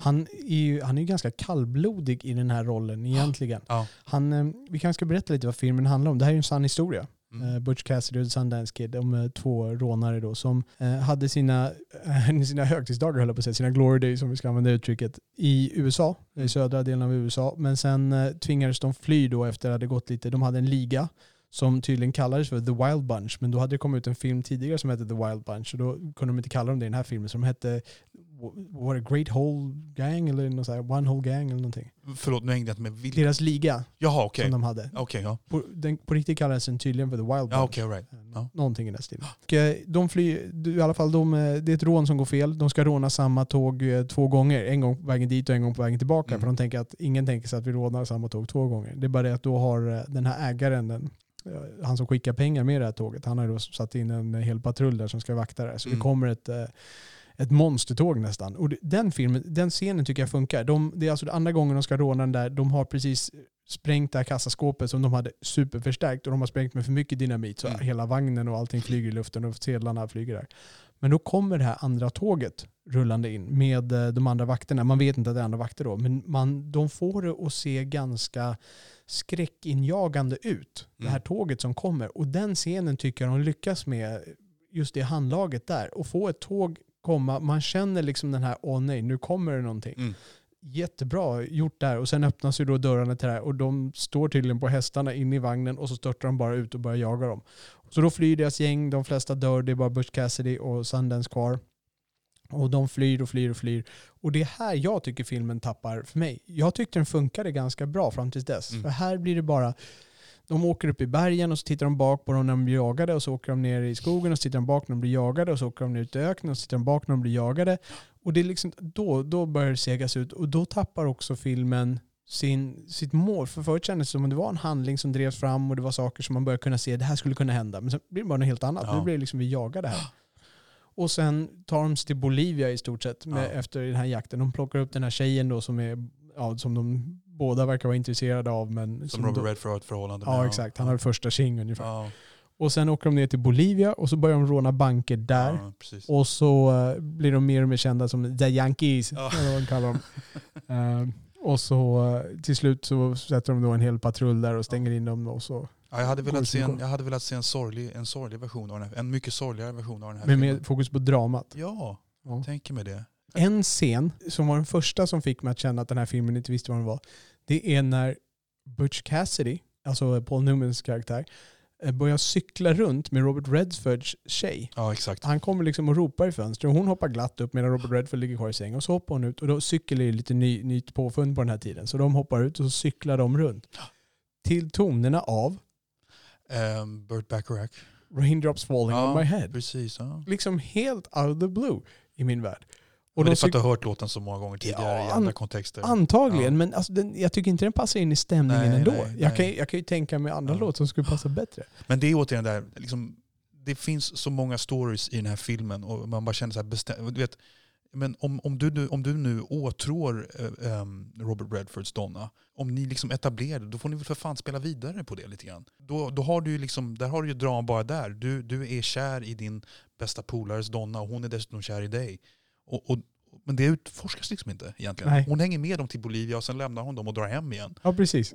Hon är som något bihang bara. Ja. Som, å andra den är ju baserad på verkliga händelser, så de kanske bara valt att inte ta sig allt för många friheter och trycka in saker som inte fanns på riktigt. Det, det kan ju vara en begränsning man får respektera på något sätt, men då kanske man ska lämna den lite mindre uttalad i så fall. Ja men faktiskt. För att de faktiskt. lyfter ju fram den, i vissa scener Ja, ja. lyfter fram Ja, men de prat, de, hon och han pratar ju om det bara. Ja, ja, visst. Det är ju, de pratar ju om precis det här förhållandet när de sitter på cykeln där. Visst, så var det. Och senare scen också när i stort sett han frågar, eller skulle det kunna bli vi två ungefär, Ja. den frågan. Det, det jag tyckte var lite, det som var lite, gull, det var lite gulligt i den här filmen, det, det är ju tycker jag eh, hur de, de är ju då bad boys, men de avslöjar ju på vägen att de inte är eh, hundraprocentiga bad boys. Du vet, Robert Nej. Redford kan inte simma Ja, och Paul Newman erkänner att han aldrig har skjutit någon i något skede också. Nej, precis. Och det skedet är när de precis står med typ så här äh, åtta mexikanska banditer som, Ja, äh, exakt. Ja. som ska bryta ut en duell Ja. med. The Big Positive, i, det, den är ju otroligt snyggt fotad. Ja, och, verkligen. Och jag, jag skulle, ja, Jag måste instämma i det. Ja. Alltså, det är fanta- den är fantastiskt fin. ja, Jag har ju en projektor där hemma så jag blåser upp det här på ganska stor vägg och jag tror att den här är en film som man nog ska se på en så stor apparat som möjligt. Mm. Eh, för det är vidder. Jag tror dock att det blev på lite bekostnad av ljudet. För att det är ofta när de rider som de är utzoomade trots att de har dialog. ja. Och den har de då, antar jag, fått spela in i efterhand. Och det låter som att de sitter i varsin telefonkiosk när de pratar med varandra. Det hörs att det är en studio, det ekar mot väggarna ungefär. Ja. Fastän de sitter på varsin häst. Synkningen är fin och bra och sådär, men det låter riktigt konstigt när de pratar Ja. i de scenerna. Och jag måste ge en eloge framförallt till alltså Paul Newman är en väldigt bra Jag blir faktiskt väldigt sugen på att se fler filmer med Paul Newman. Otroligt kompetent skådespelare. Ja, karismatisk. ja, karismatisk men ingen så här, jag fick en känsla av att han är ingen, han är ingen skådespelare som någonsin fastnade i någon slags typecasting. På samma sätt som min favorit Clintan gjorde. Utan han, han spelar vanliga män, om man generaliserar allting. Du vet. Ja. Otroligt bra skådis. nästan alla han spelar misslyckas någonstans längs vägen i Ja. alla fall. Det är sällan han är en superhjälte av något slag. Ja, nej, och han har ju, tycker jag, jag, vet inte, jag tror inte alla håller med mig, han, jag tycker inte han har, han har ingen så här jättesympatisk aura över sig. Jag tycker att han, han har, när man, liksom första intrycket med Paul Newman, det är lite, ja, men det här är killen som hade högst betyg i, i plugget och som skrattade åt de som inte hade det. Lite, lite den vibben får jag av honom. Men han förvaltar det där. Okej. Mm. Kan det vara så att den här filmen, om man går tillbaka till själva filmen, kan det vara så att den för sin tid så var den jättebra men den har inte åldrats väl? Du, skulle du kunna tro det? Eller, Så är det nog. Så är det Ja. Jag tänker mig, alltså västerns överlag åldras, åldras väl ganska illa, tänker jag. Ja, kanske. Jag vet inte. Alltså, om jag tittar på Onde gode fule skulle jag säga att det fortfarande är ett Ja. riktigt mästerverk. Ja, jo. Jag, jag, har lite, jag försöker kliva tillbaka i de skorna och se. Jag tror att det var mycket som var nytt. Vi pratade om dialogen Ja. här tidigare, att det var rapp dialog. Och jag tror att det var många sådana element som kanske lyfte fram den, men jag tror inte att det här var en så jättebra film på den tiden heller. Den hade nya grejer som gjorde att den Mm. blev fräsch. Men den har kultstatus alltså. Ja, kultstatus har den. Den ser ut som en klassiker. Siskel och Ebert, de två Ja. filmregissörerna, äh, filmrecensörerna från USA, eh, kända, numera bortgångna. Ingen av dem tyckte att det här var en jättebra film. Och jag, jag tenderar ofta att vara med på deras tåg. Det, Ja. i deras, vi, vi tycks gå lite hand i hand i alla fall. Och jag, jag, är beredd att hålla med dem. Jag tycker inte heller att det är inte en jättebra film, men den var nog fräsch på sin tid Mm. och därav har den fått den här statusen tror jag. Och sen är det väl att det är ihopparandet av Robert Redford och Paul Newman Ja, som visst. är lite... De har ju bra kemi. Ja, ja verkligen. Det här är väl ungefär, det är väl ungefär, ungefär under de här åren som Robert Redford slår igenom. Jag, jag kan inte komma på många filmer innan den här. Tänkte du på att den här filmen hade extremt korta eftertexter? Ja, verkligen. Det tänkte jag Det på. var bara ja. stopp. Okej. Ja, Man verkligen. förväntar sig kunna, jag brukar alltid sitta och lyssna på så här filmmusiken och tänka lite och så här. Ja, ja. Speciellt nu när jag ska, vi ska prata om den och så här. Men eh, här var det bara snabbt Ja, ja. så var det över. Jag, bara, jag satt ju och hyrde den online och så såg jag det. Jag bara, ja, men nio sekunder kvar för alla eftertexter. Ja. Fuck? ja, precis. Ja, nej, har vi något mer att säga om den? Vad, vad, vad skulle du ge den här för betyg då? Om du var tvungen med skala 1 till 10? Oj, skala 1 till 10. Mm, IMDB-stuk. Fem, femma. Fem, ja. Alltså jag, jag var inte speciellt underhållen alltså. Nej. Nej. Jag tror jag gav den en sexa för att det, det, fanns grejer att hämta men som sagt det var ingen jättebra story. Nej. Men fin film, bra skådespeleri, karisma och kemi. Ja. Då lämnar vi Bush Cassidy, 60-talet och The Sundance Kid bakom oss. Och så rullar vi fram ungefär åtta år. Ja, 1977 med Ni- Annie Hall. helt korrekt. Woody Allen skriver och regisserar och spelar en av huvudrollerna. Ja, hans genombrottsfilm, kan man säga det? Ja, det får man väl säga. Ja, Han gjorde, väl, han gjorde väl sin första film redan på slutet på 60-talet tror jag som regissör. Eh, men det där är väl hans breakthrough. Ja. Får jag fråga dig generellt sett, hur många Woody Allen-filmer har du sett? Kanske fem nu med Okej. den här. Ja. Så jag har inte sett så många. Och jag har inte, det här var den första av hans sådana här filmer man ska se som jag har sett. ja. Annars har jag sett den här i Paris med eh, Owen Wilson. jag har det. sett en film som, eh, jag, som jag såg när jag var halvliten som jag tycks ha fel minnen av. För ingen Woody Allen-fantast kan placera den. Men jag har för mig dem ute i någon stuga och någon är uppfinnare och de ska uppfinna flygmaskin alla Leonardo da Vinci och sånt där. Men jag det kanske jag har right. ihop med något annat. Ja. Han har ju gjort hysteriskt mycket filmer. Han, han har ju producerat en film om året i Jaha, det 50 känns- års tid. Ja, det känns som en film i veckan ibland. Ja, typ. Men han är alltid underhållande måste jag säga. Till och med de lite sämre filmerna tycker jag är rätt underhållande av honom. Ja. Trots att jag inte har sett så mycket, jag är nog beredd att hålla med. För jag kommer ihåg, jag tyckte den här Paris-filmen den var ganska mysig. Ja. Och den här filmen är ju, eh, den är ju lite av ett mästerverk i vissa aspekter. Och Ja. bland annat hur tajt den är. Det, är. det finns inte en sekund i den här filmen jag inte åker med på en resa. Liksom, från början till slut. Ja, Från sant. monologen, liksom, från dess att han kickar igång efter sin monolog, då, då den bara kör rakt igenom. Mm, ja. Ingen dialog är tråkig, allting är intressant, det rullar på hela tiden, ena grejen knyter an till den andra. Det är som en enda lång en enda lång monolog, även om det är flera karaktärer. Ja. Det är som bara waff, det går igenom. Intensiv på sitt sätt. Verkligen. Ja. Kul att du eh, använder ordet monolog. För jag, jag såg ju den här för jättelänge sedan och nu såg jag om den. Och det jag slogs av i den här filmen, det, den, handlar ju, den handlar ju egentligen mycket, mycket mer om Woody Allens karaktär än om Annie Hall, känner jag. Han är då någon slags Pygmalion-figur som hittar Annie Hall och som vill förbättra henne kan man väl säga. Hon, jag tycker hon är, hon är helt underbar men han, han vill då att hon ska gå i analys och gå på universitet och allt vad hon vill och är aldrig nöjd med henne. Någonstans så insåg, man, att- insåg jag i alla fall att, att den här filmen den handlar mer om Woody Allens karaktär, om en karaktär som aldrig är nöjd med sig själv eller med någon annan. Han har haft två fruar innan, han har en one night stand med, med en annan kvinna i något skede av filmen. Så den här, den här Woody Allen-karaktären, han, han saknar ju inte framgång hos, hos damerna. Men jag tycker att det är, på sätt och vis är en jättesorglig film om en man som aldrig riktigt kan knyta an till, till damerna. Rolig men i grunden jättesorglig i botten. Och jag tror att det var någonting, den poletten på något sätt föll ner i slutet när han knyter ihop säcken jättebra där med, med, med det han säger då i slutet. Ja. Där. Just hur, alltså jag kände mig att jag fick inblick i en an, för jag, jag är ju inte alls som den här personen, jag är ganska diametralt motsatt. Ja. Och jag eh, fick inblick och förståelse i, den här, i en sån här persons känsloliv och hur, hur det är för dem livet. Och, och att det kanske finns någonting där att uppskatta också. Ja. Det är liksom, det, det är inte, bara för att jag väljer en annan livsstil, en annan livsfilosofi och en annan relationsfilosofi får man väl kalla det. Så, se, så är det där, någon, det där är ett annat sätt att leva som inte vare sig rätt eller fel. Liksom. Nej, precis. Det, det uppskattar jag med den filmen. Det, det var som att jag lärde mig, jag fick en inblick i, Mm. i det livet. Ja. Sen har ju Woody Allen gjort variationer på den där karaktären, jag vet inte hur många gånger. Ja, det känns ju som det. Ja. Absolut. Och det här äh, att han leker med alla de här, äh, han är omanlig liksom. Jag tänkte på det, de hade ju fjärde väggen, bröt de ju friskt och brett i den filmen. Ja. Eh, och pratade med publiken då. Bland annat, det finns en scen när han står i en biokö i Annie Hall och eh, han hör några prata framför dem eller bakom Ja. dem. Då, så, här. så går han liksom iväg från biokön och börjar kommentera det här ut mot publiken. Ja. Medan biokön då spelar vidare bakom honom Ja. som om det inte skedde. Var det banbrytaren på sin tid? Eller var det gjort liksom tidigare i den här utsträckningen? Var det ett nytt handgrepp?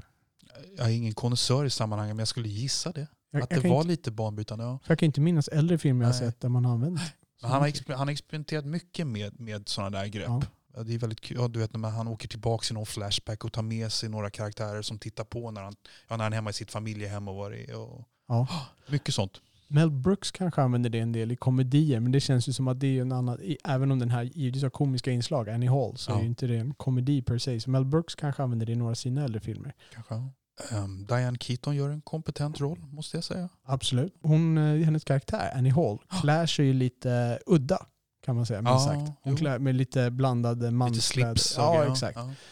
Och det är, ju för, det är ju så jag ser Diane Keaton idag. Människan Diane Keaton, hon, hon har ju en grej, när hon går på alla sina galor så klär hon sig lite udda. Det har ju blivit en gimmick för henne. Ah, okay, ja. Och jag undrar, var det här Diane Keaton som tog med sig själv in i filmen eller har Diane Keaton blivit så här efter Annie Hall?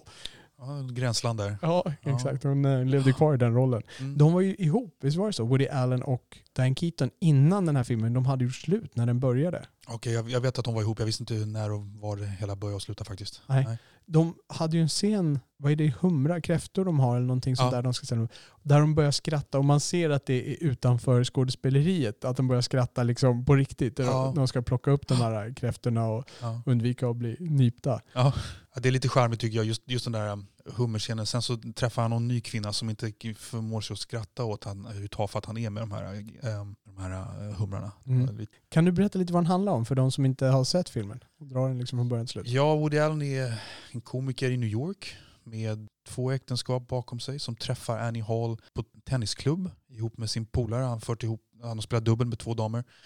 Och de blir ihop och sen, blir de, sen splittar de på sig en gång och blir tillsammans igen och så tar det slut igen i filmen. Allting kretsar då kring, eller mesta kretsar då kring deras relation och alla, alla Woody Allen-karaktärens hang-ups skulle man kunna säga. Eh, har du något att tillföra?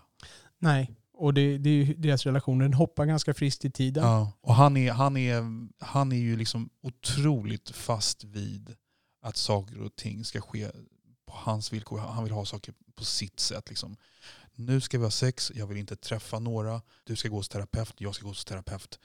Jag blir nervös när du gör så här, så här och så här. Så där håller han på i hela filmen. Även med sina eh, två förra, förra donnor också. Precis. Och det är väldigt, väldigt komiskt. Neurotisk kan man säga. Ja, det där är väl Woody Allen neurotiskt i, Ja, i ett in, nötskal. inte Nicholson i Livet från den ljusa sidan neurotisk, men Woody Allen neurotisk. Ja, precis. Ja.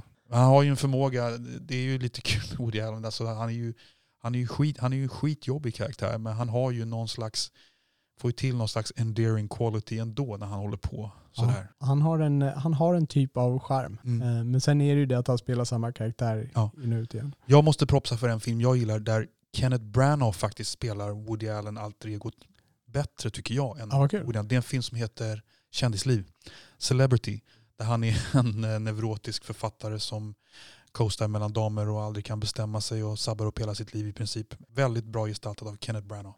Då kanske det kan bli den första filmen jag ser där jag tycker att Kenneth Branagh gör en intressant roll. Ja, ja. Ja. Det, var ju, eh, det var ju också ganska många, Ja, Paul, Cameos. ja, Paul Simon är med. ja Paul Simon är med.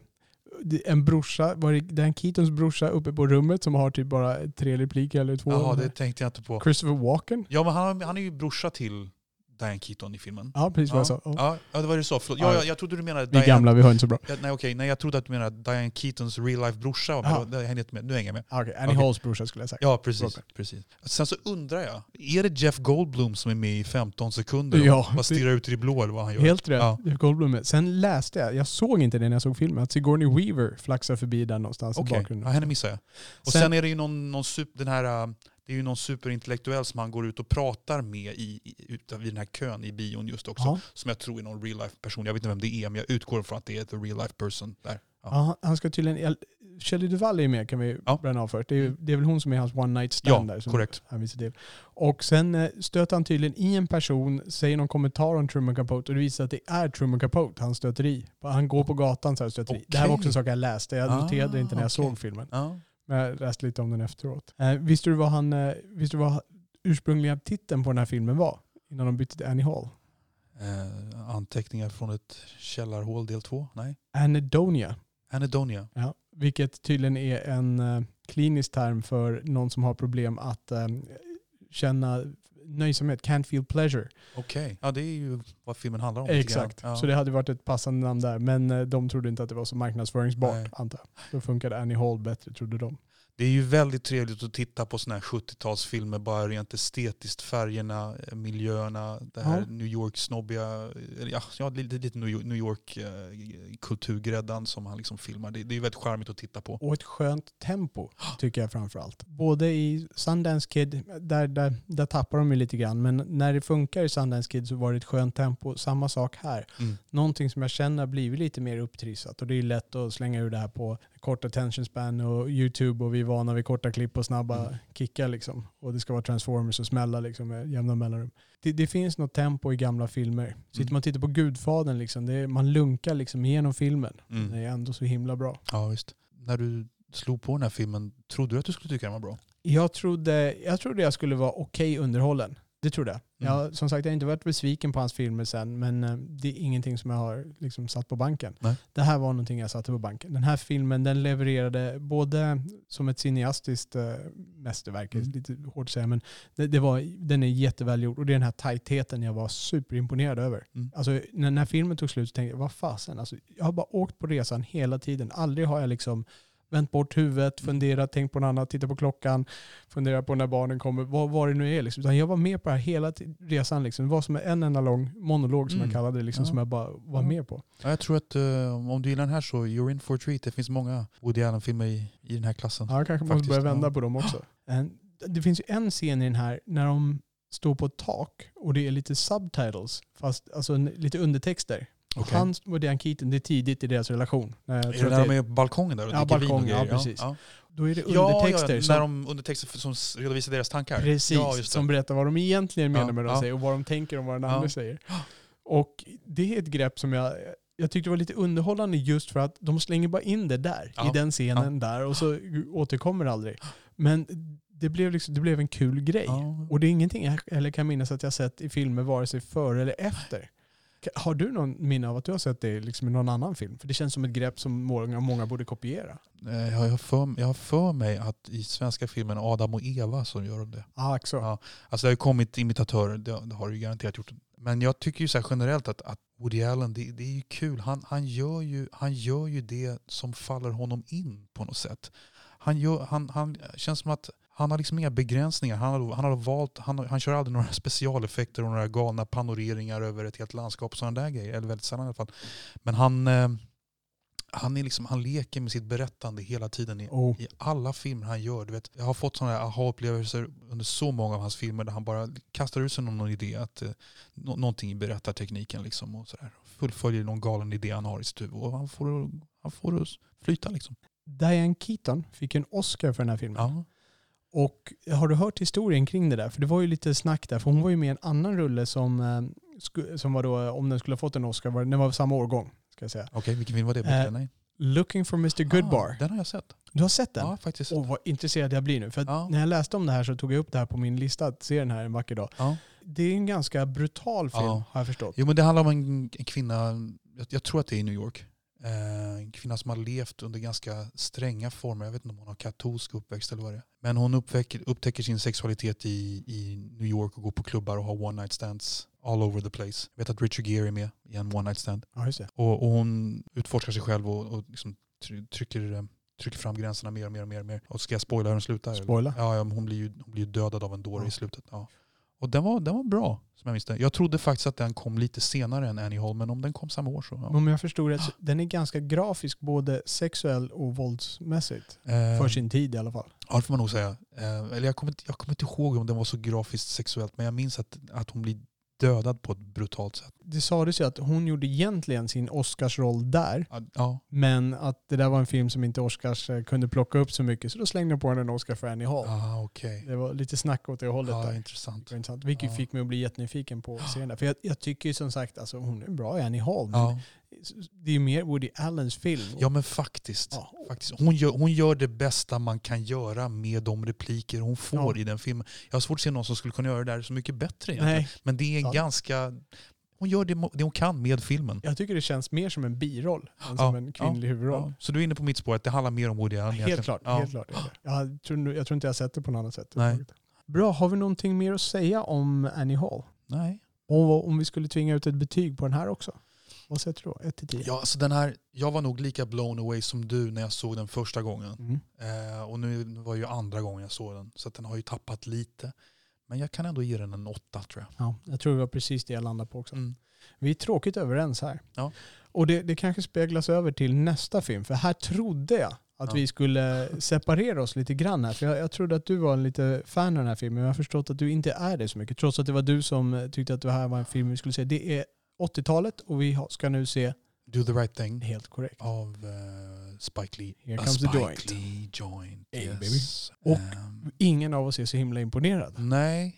ehm, Var du imponerad? När såg du den här första gången?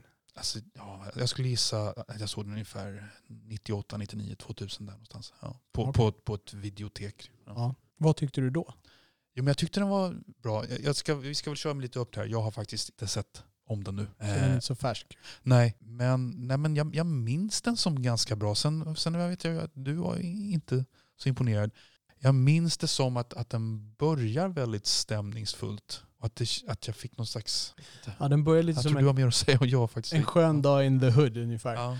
Det handlar ju då om en jättevarm dag i New York och vad som händer under den här dagen och en bit in på nästa dag också. Där är det ju då, jag tror att det som ska vara temat i den här är att hettan ska på något sätt bygga upp det här och, och folk blir mer och mer Det handlar om rasrelationer. kan Ja, exakt. säga. Rasrelationer kan man absolut säga att det handlar om.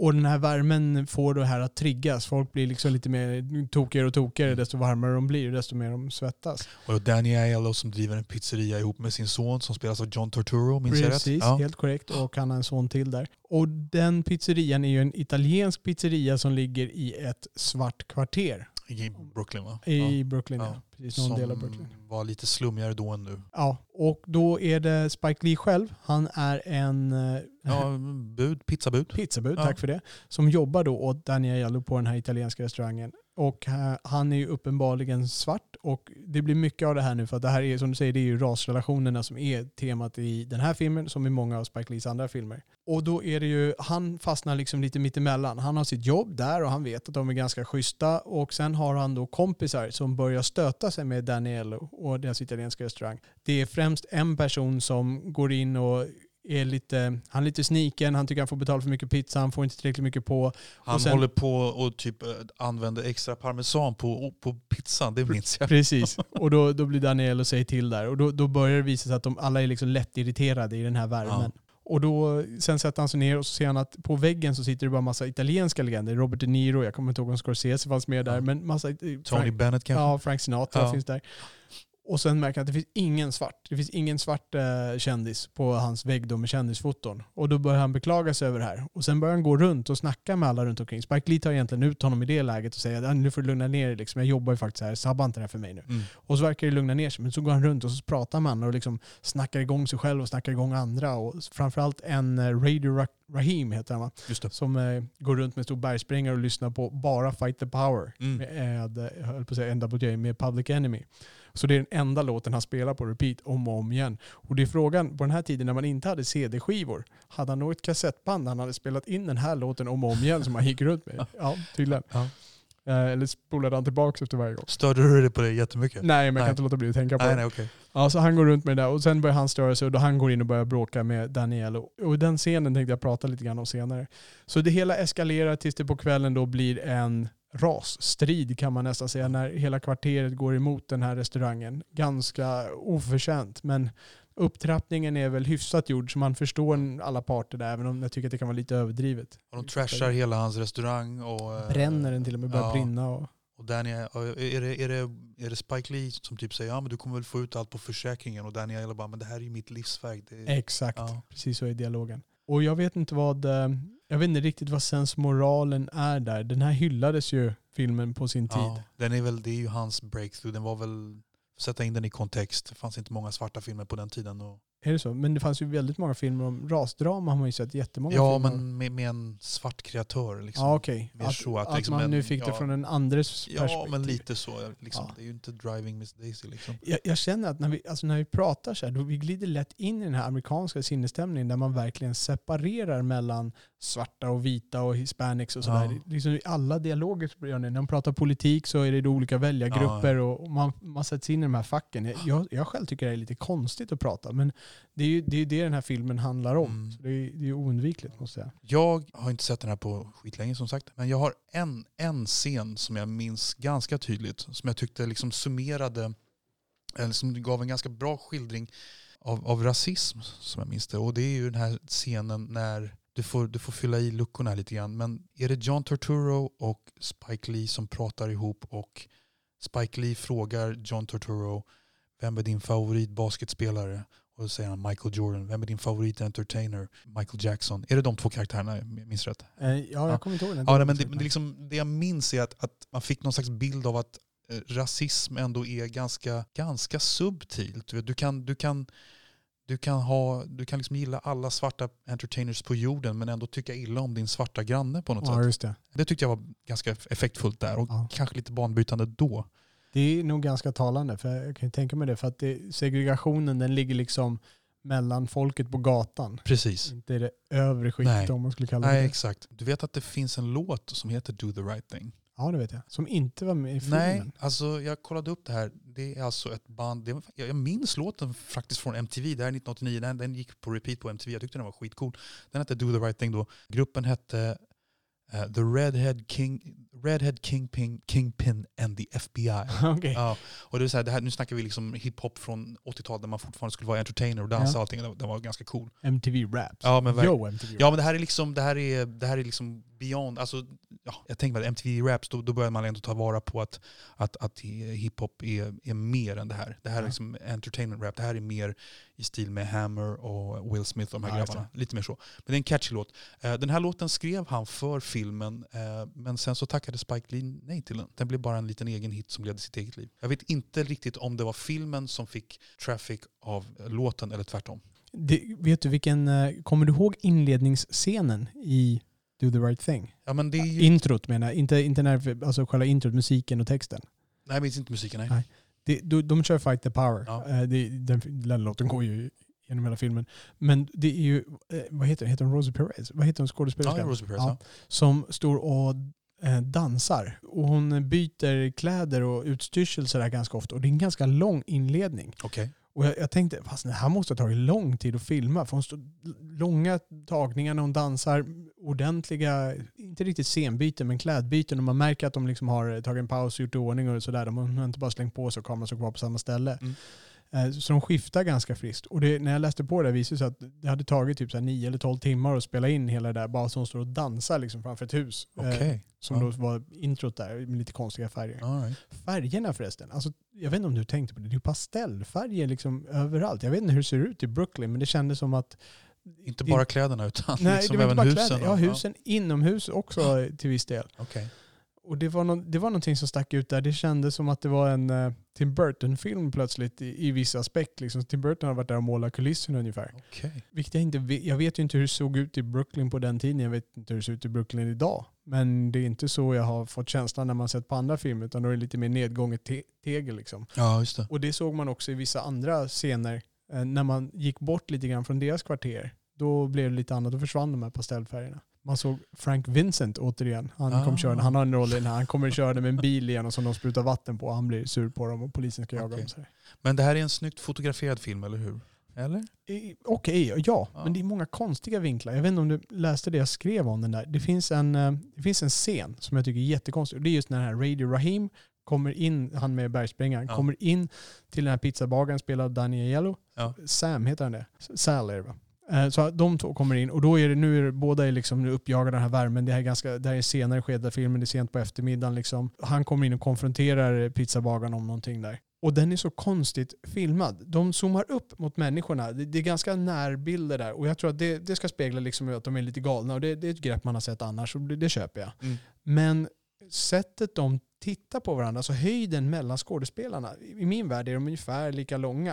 Eh, men när man ser Radio Rahim, då, då står han liksom och tittar neråt. Han står och tittar ner som att Mm. Daniello var då liksom, eller som man stod och tittade i hans skrev ungefär. Okej. Medan Daniello stod och tittar i vanlig höjd. Så det är liksom, när de klipper fram och tillbaka med den här, det här är sånt här som jag kan störa mig Det, på. det, och du tror inte att det är en sån medveten eff- effekt beyond att... att, ja, att det, Nej, jag funderar på det, men jag kan inte hitta det. Jag kan inte hitta just den biten. För det verkar så konstigt. Jag, jag kan tänka mig så här, okej, de vill få det att kännas som att Radio Rahim, han är liksom stor och, ja. och lite skräckinjagande för Sal som står där. Det är så han upplever honom och då, därför blir han lite taggarna utåt för han kommer inte hotfull. Okej. Men just det här att de tittar liksom åt fel håll. Det blir kontinuitetsfel som är så påtagligt. För mig i alla fall.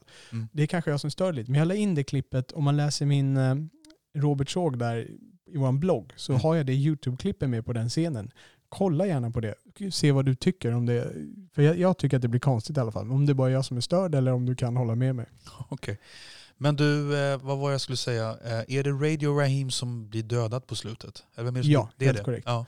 Polisen, eh, när de ska då hålla tillbaka honom så håller de lite för hårt och lite för länge med batongen mot hans hals så att Okej. han dör.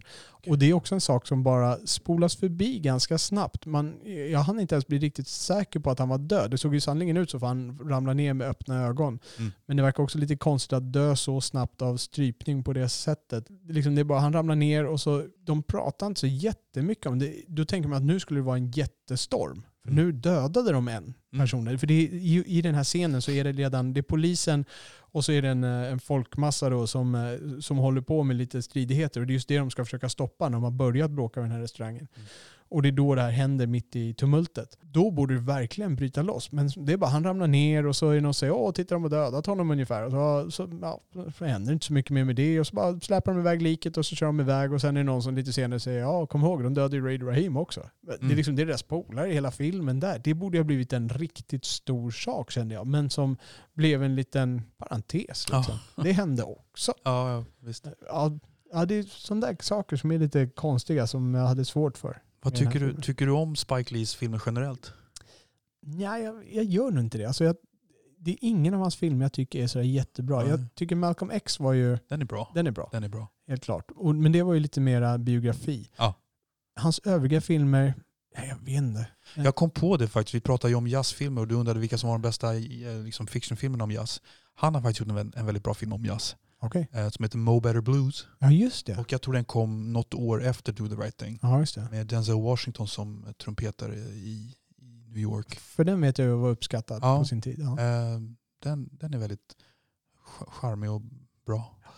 För det känns ju, alltså det känns som, jag tycker att han spelar för mycket på rastemat. Och, ehm, jag, jag kan absolut se filmer och rastema och jag tycker det är intressant att se hur USA är, men jag känner att det blir, det är lite för mycket huvudrollen i Men hans film talar, hela talar, han, talar han till, till sin svarta publik?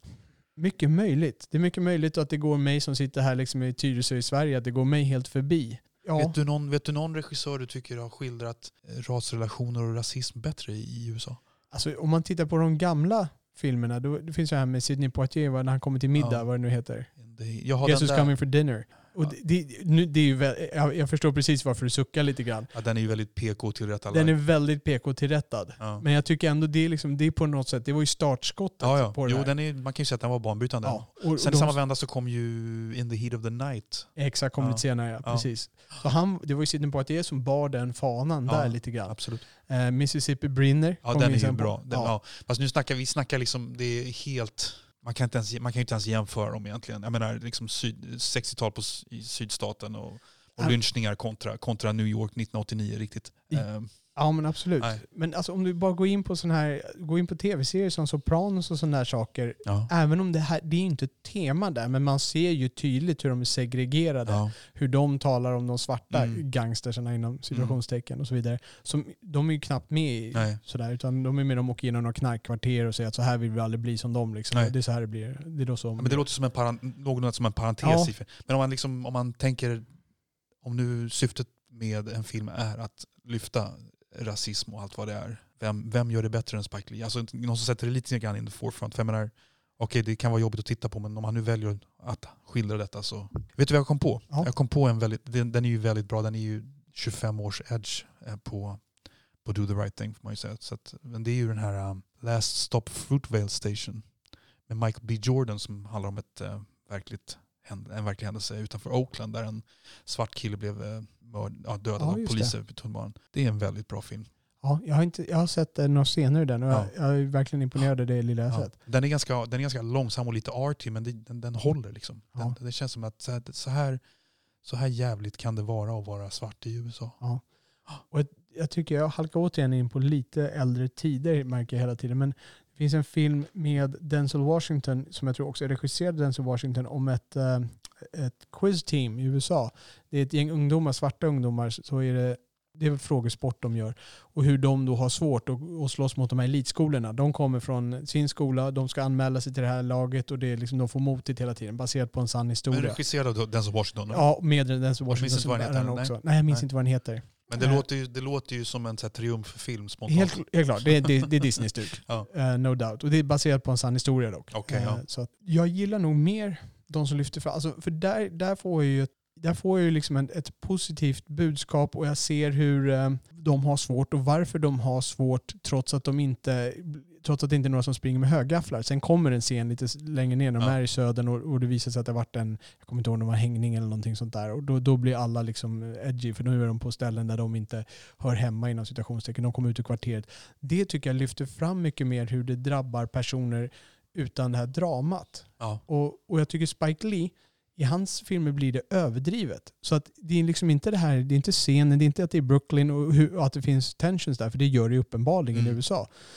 Men det är sättet där du, det, är liksom, det är som att han skruvar upp Ja. alla rattarna till max. Och så ska det här liksom bara tryckas ut och det är det som är huvudpersonen. Men det är väl lite grann, vi snackade ju om Butch Cassidy förut, att, att den, den, kanske, den var väl banbrytande när det begav sig. Den satte ord på någonting som inte fanns i, i film då. Kanske så. Och den har åldrats ganska illa kanske. Ja, för jag tror jag skrev det i min, min recension där också. Att jag har lite svårt, med den Butch Cassidy kunde jag se hur den hade saker som var fräscha för den tiden. Så jag har svårt att se hur den här var så banbrytande och att han fick så många Oscars för den där. Det känns som att han, eller oh, förlåt, han fick väl inte så många Oscars eh, för den, men att den var i alla fall nominerad. Den är ju erkänd om inget annat. Ja, om inget annat.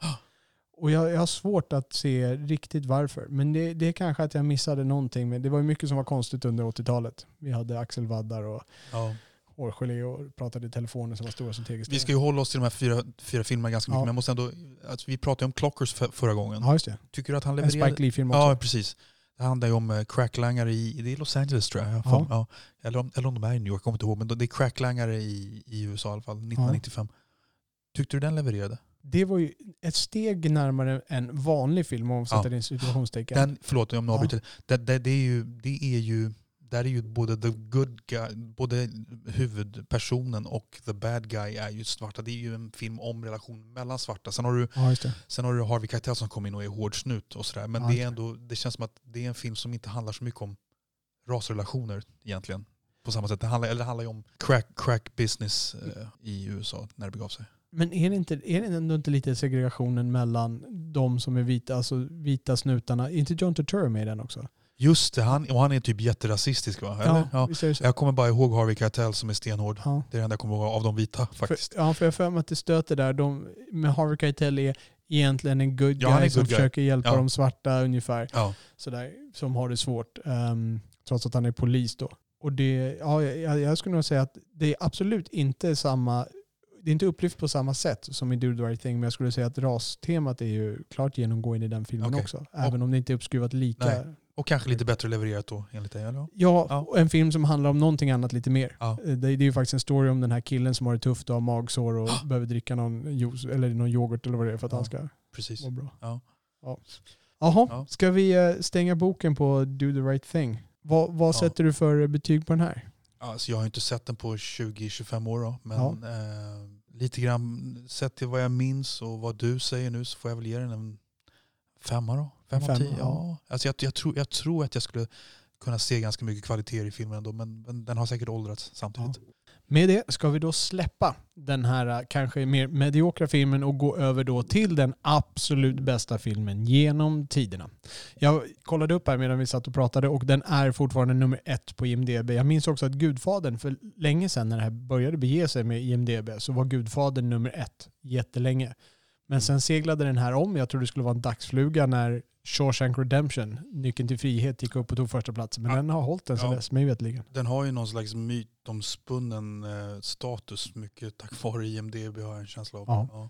En film som faktiskt var en flopp Den kom ekonomiskt. 94, stämmer det? 94, Ja. helt korrekt. Och jag kan inte minnas att jag såg att jag la märke till någon poster när den gick på bio. Och jag, jag kommer ihåg att jag såg den på bio, men jag måste ha varit den enda för den spelar in nästan till ingenting eh, på den här sidan av Atlanten. Ja. Ja, det är kul med en film som kan få en sån revival i efterhand. Ja. verkligen. Den, eh, om man ska prata klart om budgeten, jag tror den hade en budget på 25 miljoner dollar, spelade knappt in det i eh, USA Mm. och sen fick den eh, bara lite växel här bortifrån, inte ens en miljon dollar. Precis. Och det är med Morgan Freeman och, förlåt, vad heter Tim han? Robbins. Tim Robbins. Helt Ja. korrekt.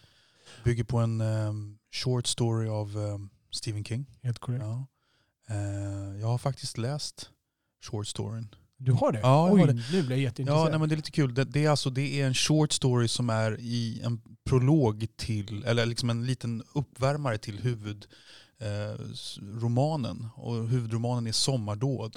Ja, just det. Ja, som också har filmatiserats av Brian Singer. Bra film. Men vad konstigt, jag har ju läst Sommardåd. Ja. Men jag kan inte... Alltså, ja. Det är möjligt att, att det här var någon upplaga jag läste bara. Okej. Men det, jag är helt säker på att det var så när jag läste i alla fall. Ja. Så det är en short story. Vill du summera storyn lite kort?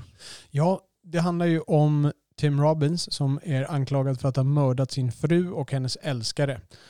Och då, han blir fälld för brottet och äh, åker in i livstidsfängelse, två livstiders fängelse till och med. Mm. Och åker till då fängelset Shawshank Redemption som är ett fiktivt fängelse i Stephen Kings värld. Det figurerar i en del andra Stephen King-verk också. Men där får han äh, livets hårda skola kan man minst säga. Precis. Det är en überreligiös, nej, überreligiös är nog fel ord att säga, men en, en warden, vad säger man, svenska? en fängelsedirektör Precis. som absolut fokuserar på eh, det religiösa där. Man får inte, det första regeln de lär sig är att man får inte ta word, eh, the Lord's name in vain. Vad säger man på Precis. svenska? Man ska inte missbruka Herrens namn, så heter det. Precis. Det är den enda regeln de behöver lära sig från början. Resten får de lära sig längs vägen. Och sen, eh, det är mycket religiösa undertoner, kristna undertoner ska jag nog säga här. Det finns många eh, liknelser, det finns många metaforer. Eh, Precis. Ja, Tim Robbins kommer in där, livets svåra skola. Han är ju en väldigt, väldigt värdig karaktär. Ja, exakt. Han är ju han är ganska rationell, han är tillbakadragen, tyst, eftertänksam. Ja. Han står ju upp mot de onda så gott han kan. Och vi ska säga att, att ehm, Morgan Freeman är berättarrösten som berättar om Tim Robbins karaktär. I filmen. Precis. Ja. Och, och den här berättarrösten den figurerar ju ganska mycket och där läste jag en liten rolig historia att tydligen var det så att de spelade in den här rösten innan filmen, Jaha. vilket är ganska udda. Mm.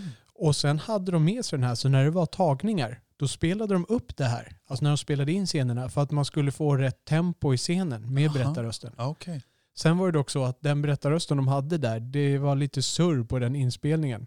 Så att de var tvungna att spela om allting igen ändå Aha. efteråt. Men Okej. eh, de använde de använde alltså berättarrösten under inspelningen. Kul kuriosa. Ja. Och det är också så här, jag kan se det greppet igenom. För någonting jag tycker den här är att den är, det är ju extremt bra tempo i den. Ja. Eh, jämnt tempo. Mm. Jag som har eh, läst boken faktiskt, eller The Short Story, liksom, ja, jag, jag tycker ju den, den, den är inte, filmen är inte riktigt the real deal i förhållande till boken, eller The Short Story, det är en short story på 100 sidor. Som jag minns The Short Story så är han, Tim Robbins karaktär mycket mer dubbel och hemlighetsfull. Man är liksom inte på det klara med om han har dödat eller inte dödat sin fru. Och i den här filmen fanns det någon sån dubbelhet. Jag funderade på början där. Har han, hade han blod på sin skjorta där? Nej, det hade han inte. I Nej. början ser man honom sitta i bilen och fingra med en pistol. Ja, precis. Men jag har för mig att, att jag, jag, bara, jag skulle ha sett om det. Att, att jag bara undrade om det, om det var lite blodstänk bakom slipsen eller om det bara var en slarvig slips som stack ut eller någonting. Men i övrigt så hittade jag ingenting dubbelt kring huruvida han eventuellt skulle ha dödat sin fru. Nej, jag, tr- jag tror att det kanske är en av de få saker de i så fall misslyckas med. För att de gör ju verkligen, de, de ger ju inget sant svar i början. Man får reda på sanningen senare. Man får, man får reda på sanningen när han faktiskt säger till Morgan Freeman. Eller, ja, nej, det är får gubben, reda- killen ja. som ska vittna och grejer. Ja. Ja, precis. Ja. För det visar sig att sen att han som faktiskt har mördat honom sitter i ett annat fängelse och de träffar en annan fånge som har träffat den fången i det fängelset. Precis, ja. Men det där, det där du, alltså i, i romanen, eller i The Short Story, förlåt, så är det, det är mycket mer dubbelt. Ja, det, det kunde ha varit ett element till i den här filmen. Den, det är ingen dålig film som vi Nej. kommer att prata om. Men Den är ju Nej. väldigt, Hollywood, den är, det är, den är väldigt Hollywoodifierad. Det är en bra film, men den är Ja. väldigt Hollywoodifierad. ja, Den är otroligt Hollywoodifierad. Och jag tycker så här, det de fångar det är ju, det är ju brut- brutala miljöer som man faktiskt mår ganska illa av, speciellt i början. Men sen sakta men säkert så, så triumferar Tim Robbins karaktär mer och mer och mer och blir som en gudomlig buddha som sprider sin godhet över allt nästan. Och det är väl där jag tycker det, det, blir lite, det blir lite för mycket. Jag tycker om filmen men det blir för mycket. Du vet, alla hans motgångar slutar ju nästan och han öppnar bibliotek och frälser alla och allt vad han gör. Liksom. ja, just det. Det är, ju dock, det är dock över ganska många års slit så han får inte så här Nej. jättemycket belöning om man spesar ut det. Han, Nej, är- nej, det är nej, 20 år han Ja, är där ja, inne jo, innan filmen tar då. slut. Visst.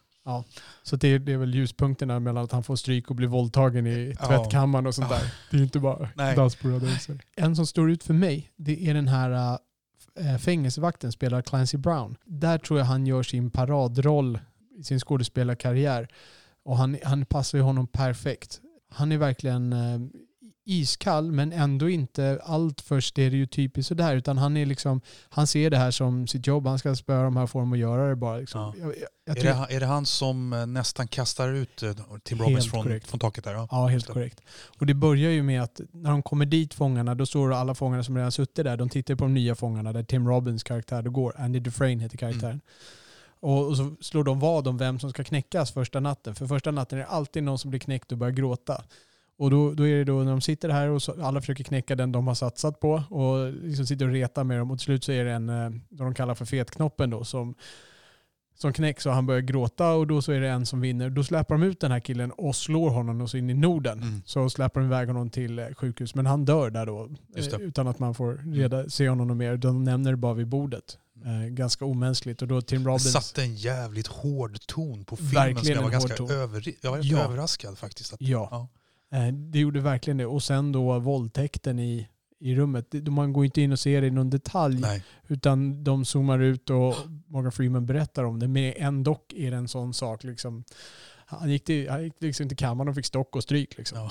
Men eh, när vi är ändå inne på det här med ja, alla våldtäkter och allt stryk som, som Tim Robbins får utstå i den här filmen. Då, då, eh, så fick jag en känsla av, vad, vad säger man på, på svenska? På, vi använder ju så, framförallt jag, vi använder så otroligt mycket engelska termer som vi stoppar in här och var. Men här använder jag den för att jag vet inte vad man säger riktigt på svenska. Eh, alltså, poetic justice, vad säger man på svenska? Eh, Poetisk rättvisa. Säger vi det? Ja. Nej, okej. Eh, det, det finns lite för mycket poetisk rättvisa i den här filmen. det är Stephen King. Ja, det är Stephen King. Ja. Men jag vet inte om det är, jag kommer inte ihåg om det är med i boken heller faktiskt. Men den här killen som är liksom hövdingen i det här våldtäktsgänget. Han får då stryk av den här vakten du snackar om. Precis, för då, då det kommer ju ett skede då där Andy Dufresne, Tim Robbins karaktär, han har jobbat in så blivit så värdefull för dem. För han är ju en väldigt kompetent bankman. Ja, precis. Ja, Så han hjälper dem med deras skatter Ja. och sånt där så de tjänar Ja. pengar. Så de börjar skydda honom. precis. Ja, men det blev lite för mycket att, att, alla go, att alla onda straffas och alla goda triumferar. Lite så. Det, det, det kändes otroligt överdrivet att han var, att han var tvungen att, att gå det där ödet till mötes på något sätt.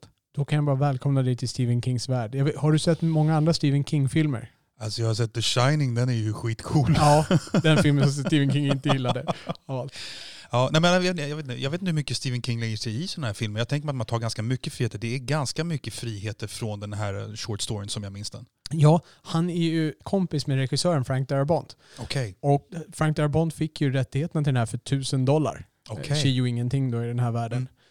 Eh, Och gör, nu gick ju filmen inte så mycket plus så att ekonomiskt kanske Mm. inte var något hit ändå. Men boken, Ja, boken slutar ju med Tim Robbins karaktär Andy Dufresne. Han har då lyckats gräva sig ut från fängelset. Han har fixat en plansch på Rita Hayworth som han har liksom grävt bakom kan man säga. Där tar liksom, boken tar slut i princip så att, att eh, ja, jag, jag hoppas han har det bra där utanför. Jag hoppas han lyckas ta sig till Mexiko. Och så här. Och det, är liksom, det är ett ganska öppet slut. ja. Medan i filmen så, så måste de ju Hollywoodifiera det in absurdum på ett sätt som är så jävla komiskt att jag blir sur på filmen. Ja. Som är så bra i övrigt. Du skulle bli superstudion. Frank Darabont, han ville sluta scenen innan när han sitter på bussen.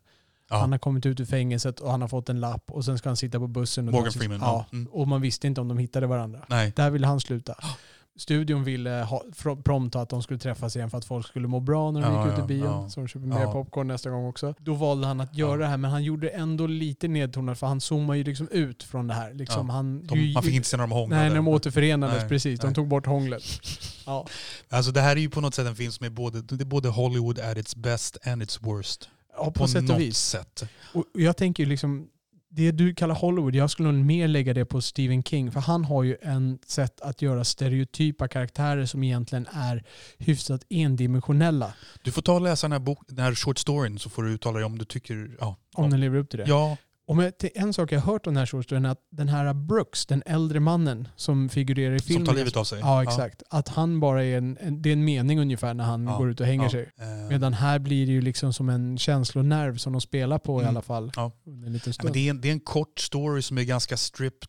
Som mest handlar om Andy, Andy Dufresne och, och den här eh, Morgan Freeman-karaktären som jag hade en bild av i huvudet var mycket yngre faktiskt.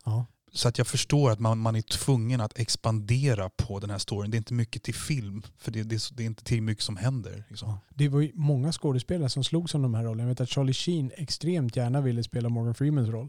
Ja, ja men det var typ en, en, en, en vit eh, glidarsnubbe jag såg i mitt huvud när jag läste Ja. boken. Och om man tittar på vilka som eh, ville spela honom så verkar det vara det som de andra hade läst i den boken också. Ja, ja men, men Mm. Morgan Freeman är ju, är ju top notch i det här. Jag tycker han är jättebra verkligen. Och Frank Darabont ville ha Morgan Freeman från Ja. första början. Ja, det ser man. Ja, den eh, blev Oscars-nominerad. Och det var väl det, egentligen hade det varit en ännu större boxflop, men sen fick den ju sju Oscars-nomineringar. Okej. Eh, och det var då den tog ikapp lite på box office och i alla Mm. fall började gå upp mot plus minus noll mot budgeten, minus eventuell marknadsföring.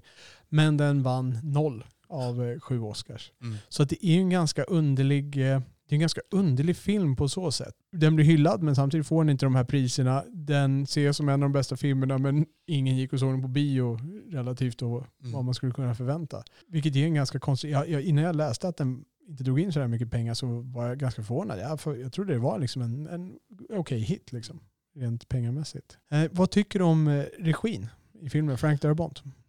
Ja, men det, det, den är jätteskickligt gjord. Allting visuellt jättebra. Du, alltså, det här är väl en bit som du ska ta upp men jag tycker den är väldigt fin musik satt också. Ja, det är precis, allting smälter ihop väldigt bra. Till skillnad från Butch Cassidy and the Sundance Kid där, Ja. där de är all over the place. Så här är allting en enda sammanhängande enhet. Det är en historia. Och så som jag nämnde tidigare, tempot är väldigt bra. Mm. Det är väldigt jämnt. Mm. Det blir inte riktigt tråkigt någonstans trots att filmen är ganska lång. Och det är också hela tiden så finns det någon del av historien. Det, det är ett enda flöde så det finns en total röd tråd men det finns små historier i den här historien Mm. som blir en del av den röda tråden som faktiskt växer fram till upplösningen. Finns det någon eh, så här tårfällande stund i filmen? Jag vet inte. Det här var ju, jag kan kalla det för andra gången jag såg den. Den var säkert tredje men jag såg den typ på bio sen den kom ut strax därefter. Mm. Jag tror nog inte det. Alltså när de återförenas, ja, jag, jag känner lite grann. Det är inte en tårfylld scen men jag känner lite grann när de återförenas på, på stranden när de ser varandra. Mm. Det, det är så. Var- det någonting för dig? Ja, men jag har för mig att jag, jag, jag grät inte men jag för mig att jag tyckte det var lite det var ganska gripande. Det är någon scen ganska långt i, ganska sent i filmen där, där de liksom sitter Morgan Freeman och Tim Robbins och, och pratar om det här. Och man, och liksom, Morgan Freeman har ju gett upp på livet för 15 år sedan. Och Tim Robbins han, han liksom vägrar att ge sig. Det var lite, ja, det var lite gripande. Liksom. Ja. Vet du vilken scen jag snackar om? Jag, jag blir lite osäker. Det, det är ju en scen Jag tror att det, är typ, jag tror typ, det kanske är sista gången de ses. Ja, precis. För då är ju Tim Robbins, det är då han eh, verkar lite uppgiven själv och han säger till honom Ja, men jag har för mig att det var någon slags, man fick ändå någon slags Ja. vibe av att han, jag, jag, fan, jag, jag ger mig aldrig. Ja, liksom. jag ger mig för, aldrig. för, för det, är som det, ska- det, man, ska gå därifrån, som regissören vill att man ska gå därifrån, det, det tror jag är just den här tvekan. Ja. Kommer han hänga sig ikväll eller kommer han eh, försöka göra något annat? Och jag, jag visste ju hur allt skulle sluta tyvärr. När du såg den första gången? Även första gången. Ja, jag läste Ja. boken och sen så, första gången jag såg den då visste jag inte alls att den byggde på den här. Det var bara någon så här, i något skede jag bara wait a minute, den här, den här har jag läst som bok. Liksom. Ja. Så att jag hade ju ingen surprise element alls så. Har du läst mycket Stephen King? Jag Nej, lite överraskad. nej. Det är typ det här du har läst? Ja, ja det, det är typ den och Sommardåd. Ja, vad Ja. ironiskt. Jag, jag har läst det ganska mycket i mina yngre dagar, så jag hade läst alla andra men inte den här. Nej, nej. Okej, vi kompletterar varandra. Ja. You complete me. Vilken film är det från? You Complete Me? Ehm, livet från den ljusa sidan. Nej, Eh, nej, nej. You Complete Me. Nej, nej, det är ju uh, Jerry Maguire. Okej, Det är Tom. Cruise. just det. Och, han eh, kommer in på slutet där. Det är en, eh, en bra scen. Just det. Ja, Livet från ljusa sidan det är mera You make me wanna be a better man. Exakt, Ja, det är det. Men det är, det är två bra quotes. absolut. You make me wanna be a better man, det är... Ja, det Ja. går inte att säga som Nicholson, men det, det är någonting jag kan säga till min fru. Ja. Jobbar på det dagligen. Exakt. Ja, så om vi glider tillbaka till Shawshank Redemption. Eh, bra, bra castad skulle jag vilja säga. Ja, Alltså, väldigt bra biroskådisar. Ja, verkligen. Ja. I början så verkar det som att de är lite mer inne på den här... Det finns ju en kille där, han som Brooks håller kniven mot halsen på. Som, som är med Just liksom det, längs han är hela bra. resan. Han är bra, Ja, ja. han är bra. Och i början så stammar han lite grann. Och då känner jag, åh nej, här kommer Stephen Kings stereotypa, liksom han som har ett litet handikapp men Ja. visar sig värdefull ändå. Ja. Eh, som ska finnas med i alla. Men han är bra. Han, är, han har något dubbelt över sig. Att han är lite elak men ändå god. De får till det. Ja, ja, Utan the stuttering. Ja. Men det kan man också säga att de är ett fängelse med mördare och brottslingar. Men alla är ganska heliga och ganska bra polare. Okej, några vill våldta lite i tvättkammaren. Men Ja, att det blir en väldigt, väldigt skyddad, skyddad verkstad som man får verka inom Tim. Robbins till slut. Det blir liksom ingen butt fucking ingenting till Nej. slut. Nej. alla är rentvättade. Och, men den enda som är lite läskig det är han som visar sig vara vara mördaren då som hade mördat hans fru och en älskar, alltså Danny Dufresnes fru och älskaren då. Ja. För han, han är ju lite, då, då är det en flashback som en av de andra fångarna berättar. Ja. Han ser ju lite störd ut. Ja, han är ju full, full blown, skulle platsa i serien Oz liksom. Ja, precis. En sak som slog mig också, det var ljussättningen. Okej. Om jag får studsa det här mot dig och se om det här är någonting som du tänkte på. I början när de kommer så är den väldigt uttalad. Ehm, när de står och duschar honom, ljussättningen, hur det faller liksom. ehm, den är ganska stilistisk. Jag får lite Fincher-vibbar i, i visst hänseende. Jag tänker mig på Finchers videos som han gjorde kanske mer än hans, mer än hans senare filmer. Men De här grå, det här lite lätt gråa. Ja, precis. Och så det lyser vissa där och man, det speglar sig på uttalade delar av kroppen och sådana här saker. Det, den var väldigt påtaglig i början men det försvann lite grann senare. Var det någonting du tänkte på? Nej, Inte, så- ja, jag vet, inte. alltså, den är väldigt visuellt snygg. Kanske inte att jag tänkte på ljussättningen just nej. Nej. nej. Men den är verkligen visuellt snygg. Ja, det är den. Frank Durbont, han gjorde även, eh, han gjorde fler Stephen King. Han gjorde ju The Green Mile. Ah, som okej. är ju verkligen samma tema. Det är fängelse, Ja. Stephen King, den är lång.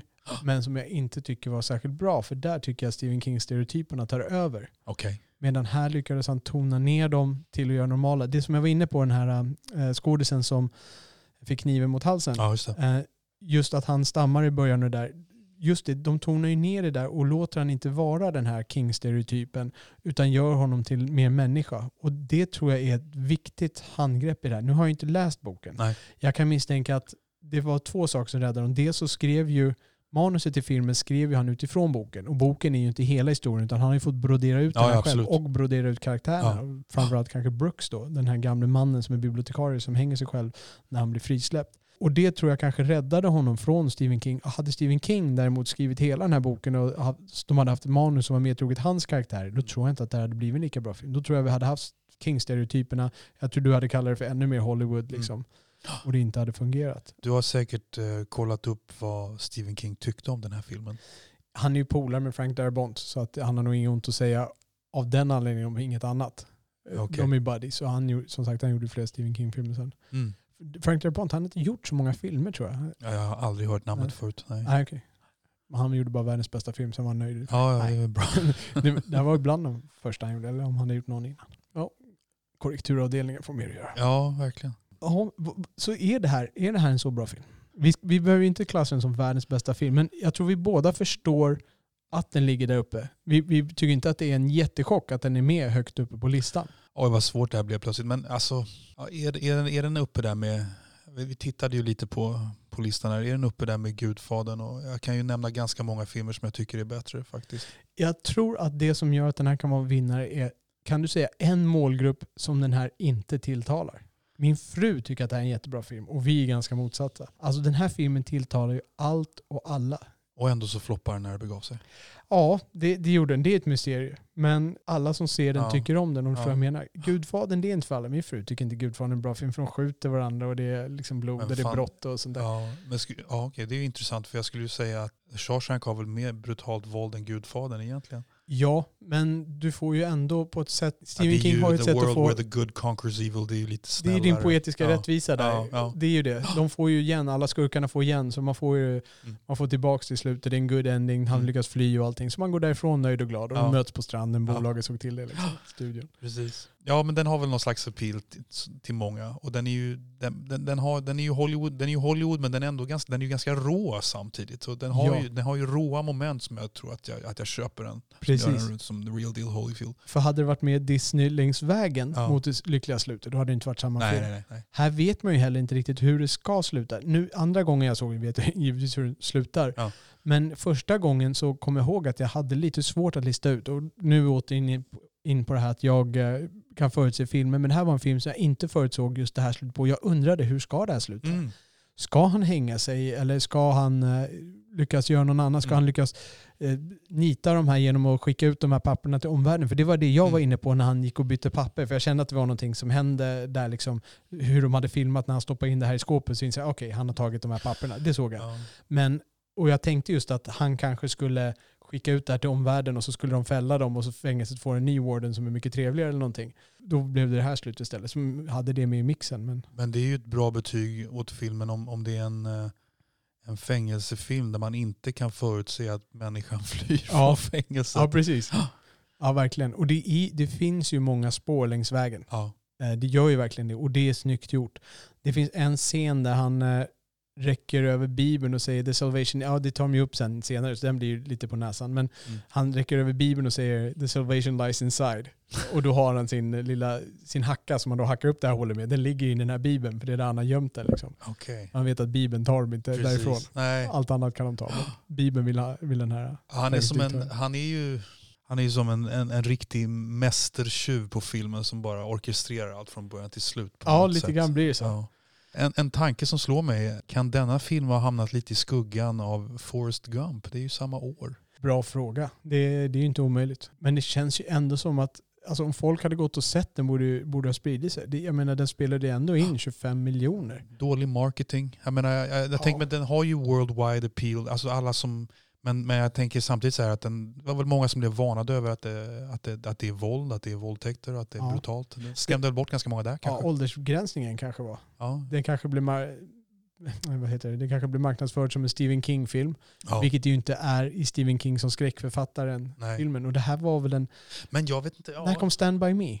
Som också är en Stephen King. 87. 87, okej. så då hade han ju redan brytit ifrån bara göra skräck. Eh, För Stephen King var ju då mest känd som skräckförfattare. Man, man För jag, måste, jag, måste, jag, må, jag måste säga att jag, jag som sagt, när jag såg filmen, jag hade ingenstans på vägen visste jag att det var en Stephen King och att den byggde på den här roman- romanen. Det var bara i något, alltså jag, jag tror jag hade gått, jag vet inte om det har gått någon halvtimme eller något innan jag insåg wait a minute, den här, den här short storyn har jag läst. Sen när jag såg om den, det är ju liksom, ja, det är ju en liten mention i början där, based on the Shawshank Redemption and Rita Hayworth uh, short story by Stephen King i början där. Men det, den liksom, det känns som att de kanske tonade ner det. Eller det, jag vet inte vad, vad, liksom vad rutinerna är kring Stephen King-filmer, Stephen King-baserade filmer.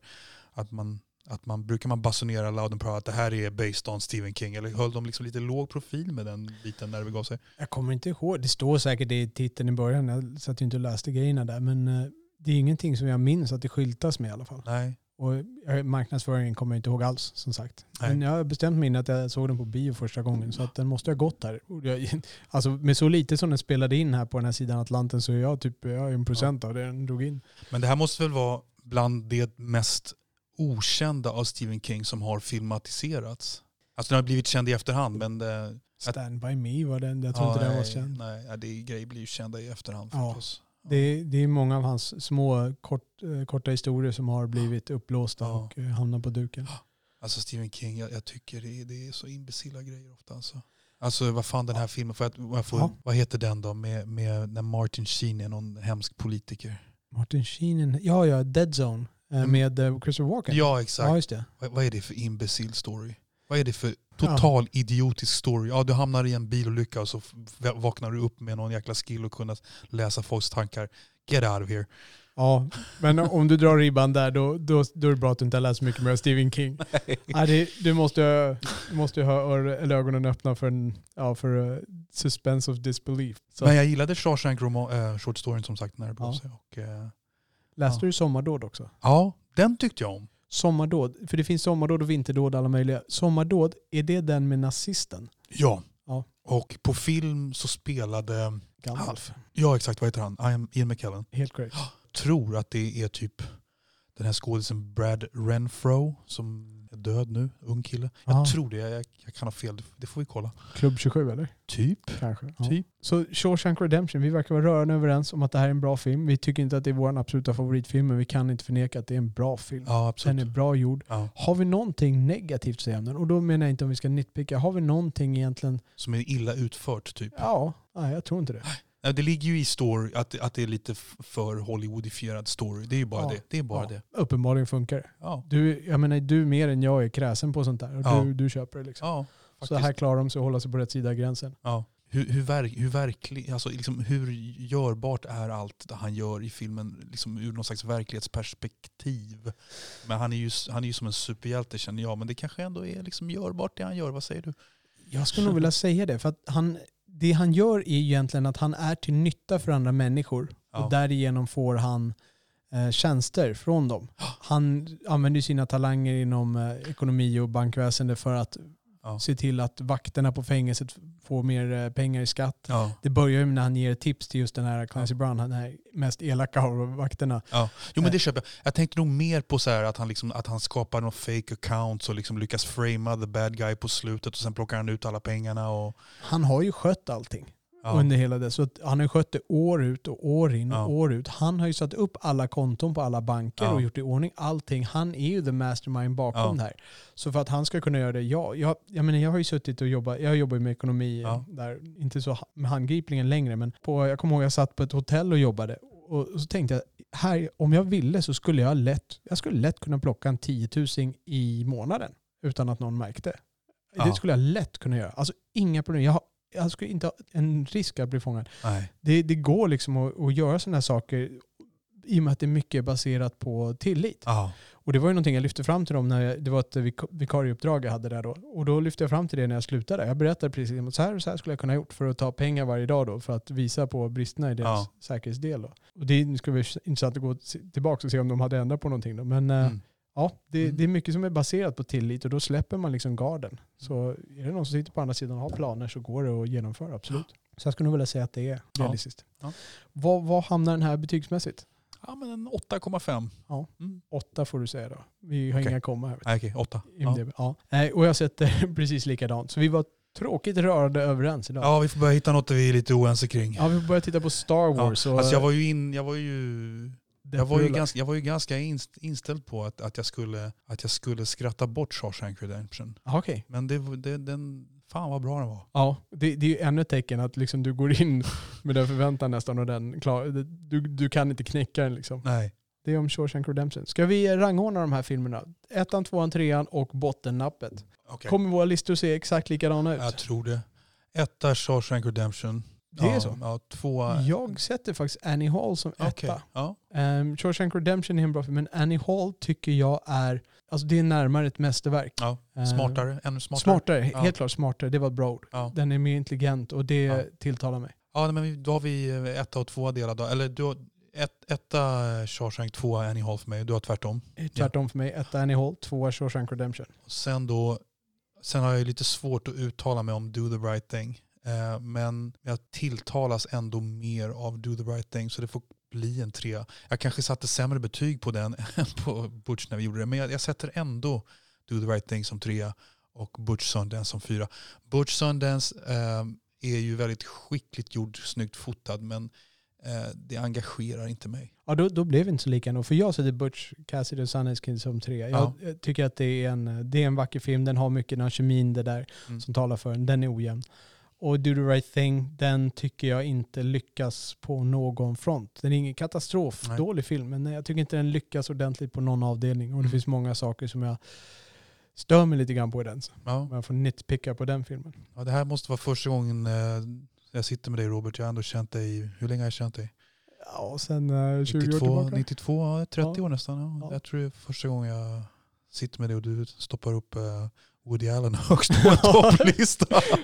Ja, det, jag, må- jag måste vara ärlig. Det, Ja. jag, jag var själv överraskad Ja. över Annie Hall. Som sagt, jag trodde jag skulle vara road, men eh, jag tror inte jag skulle tycka att den var så bra. Och det, det som är att den är, den är bra från som ett hantverk också. Verkligen överraskande bra. Skicklig utöver det vanliga. Vad, gå och titta på film, om vi hade tid att gå och titta på film. Vi har, eh, nu har vi knappt tid att gå och titta på film för att vi tittar på film för att kunna prata om film. Exakt så. Så Jag är ändå lite, ja, jag, vet inte, jag, jag, borde, jag borde ju då ha sett om Do the right thing istället för att se två jazzdokumentärer. men, you know. man måste mixa det. ja, Efter att ha tagit igenom Butch Cassidy och Sundance Kid till din, eh, till din förtret tydligen så ja, exakt. Ja. fick du lite återbetalning. Är det, någon, är det någon film som har poppat upp för dig nyligen som du bara kanske sett Alltså på jag, Netflix? har, jag har ju den här jädra Uncut Gems som jag nämnde förra gången. Ja. Den, den, den parkerar ju högst upp. Okej, kan du lova publiken här och nu att du kommer att se Uncut Gems till nästa avsnitt vi spelar in här om typ två veckor? Jag lovar.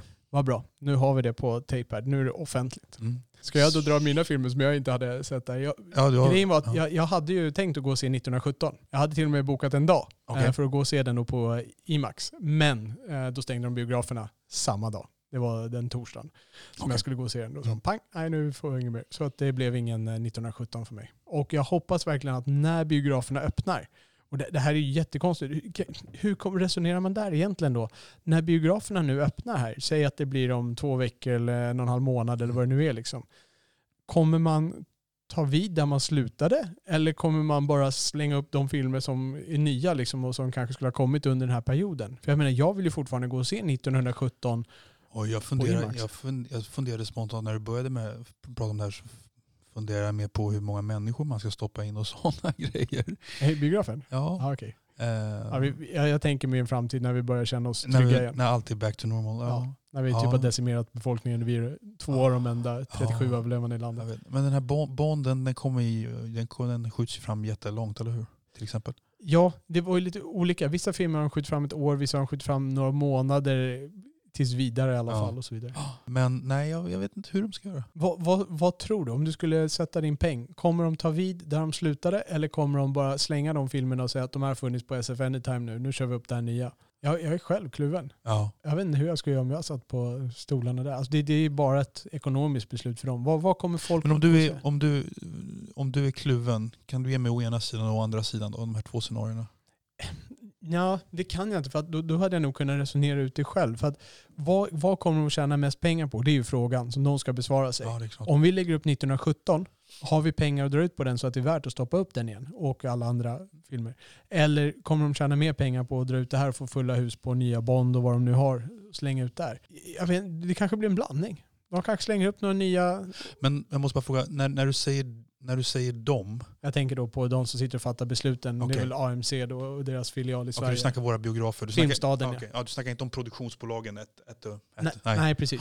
okej. Utan här är, de kommer ju ha liksom ett spektra av filmer som de kan välja mellan. Ja.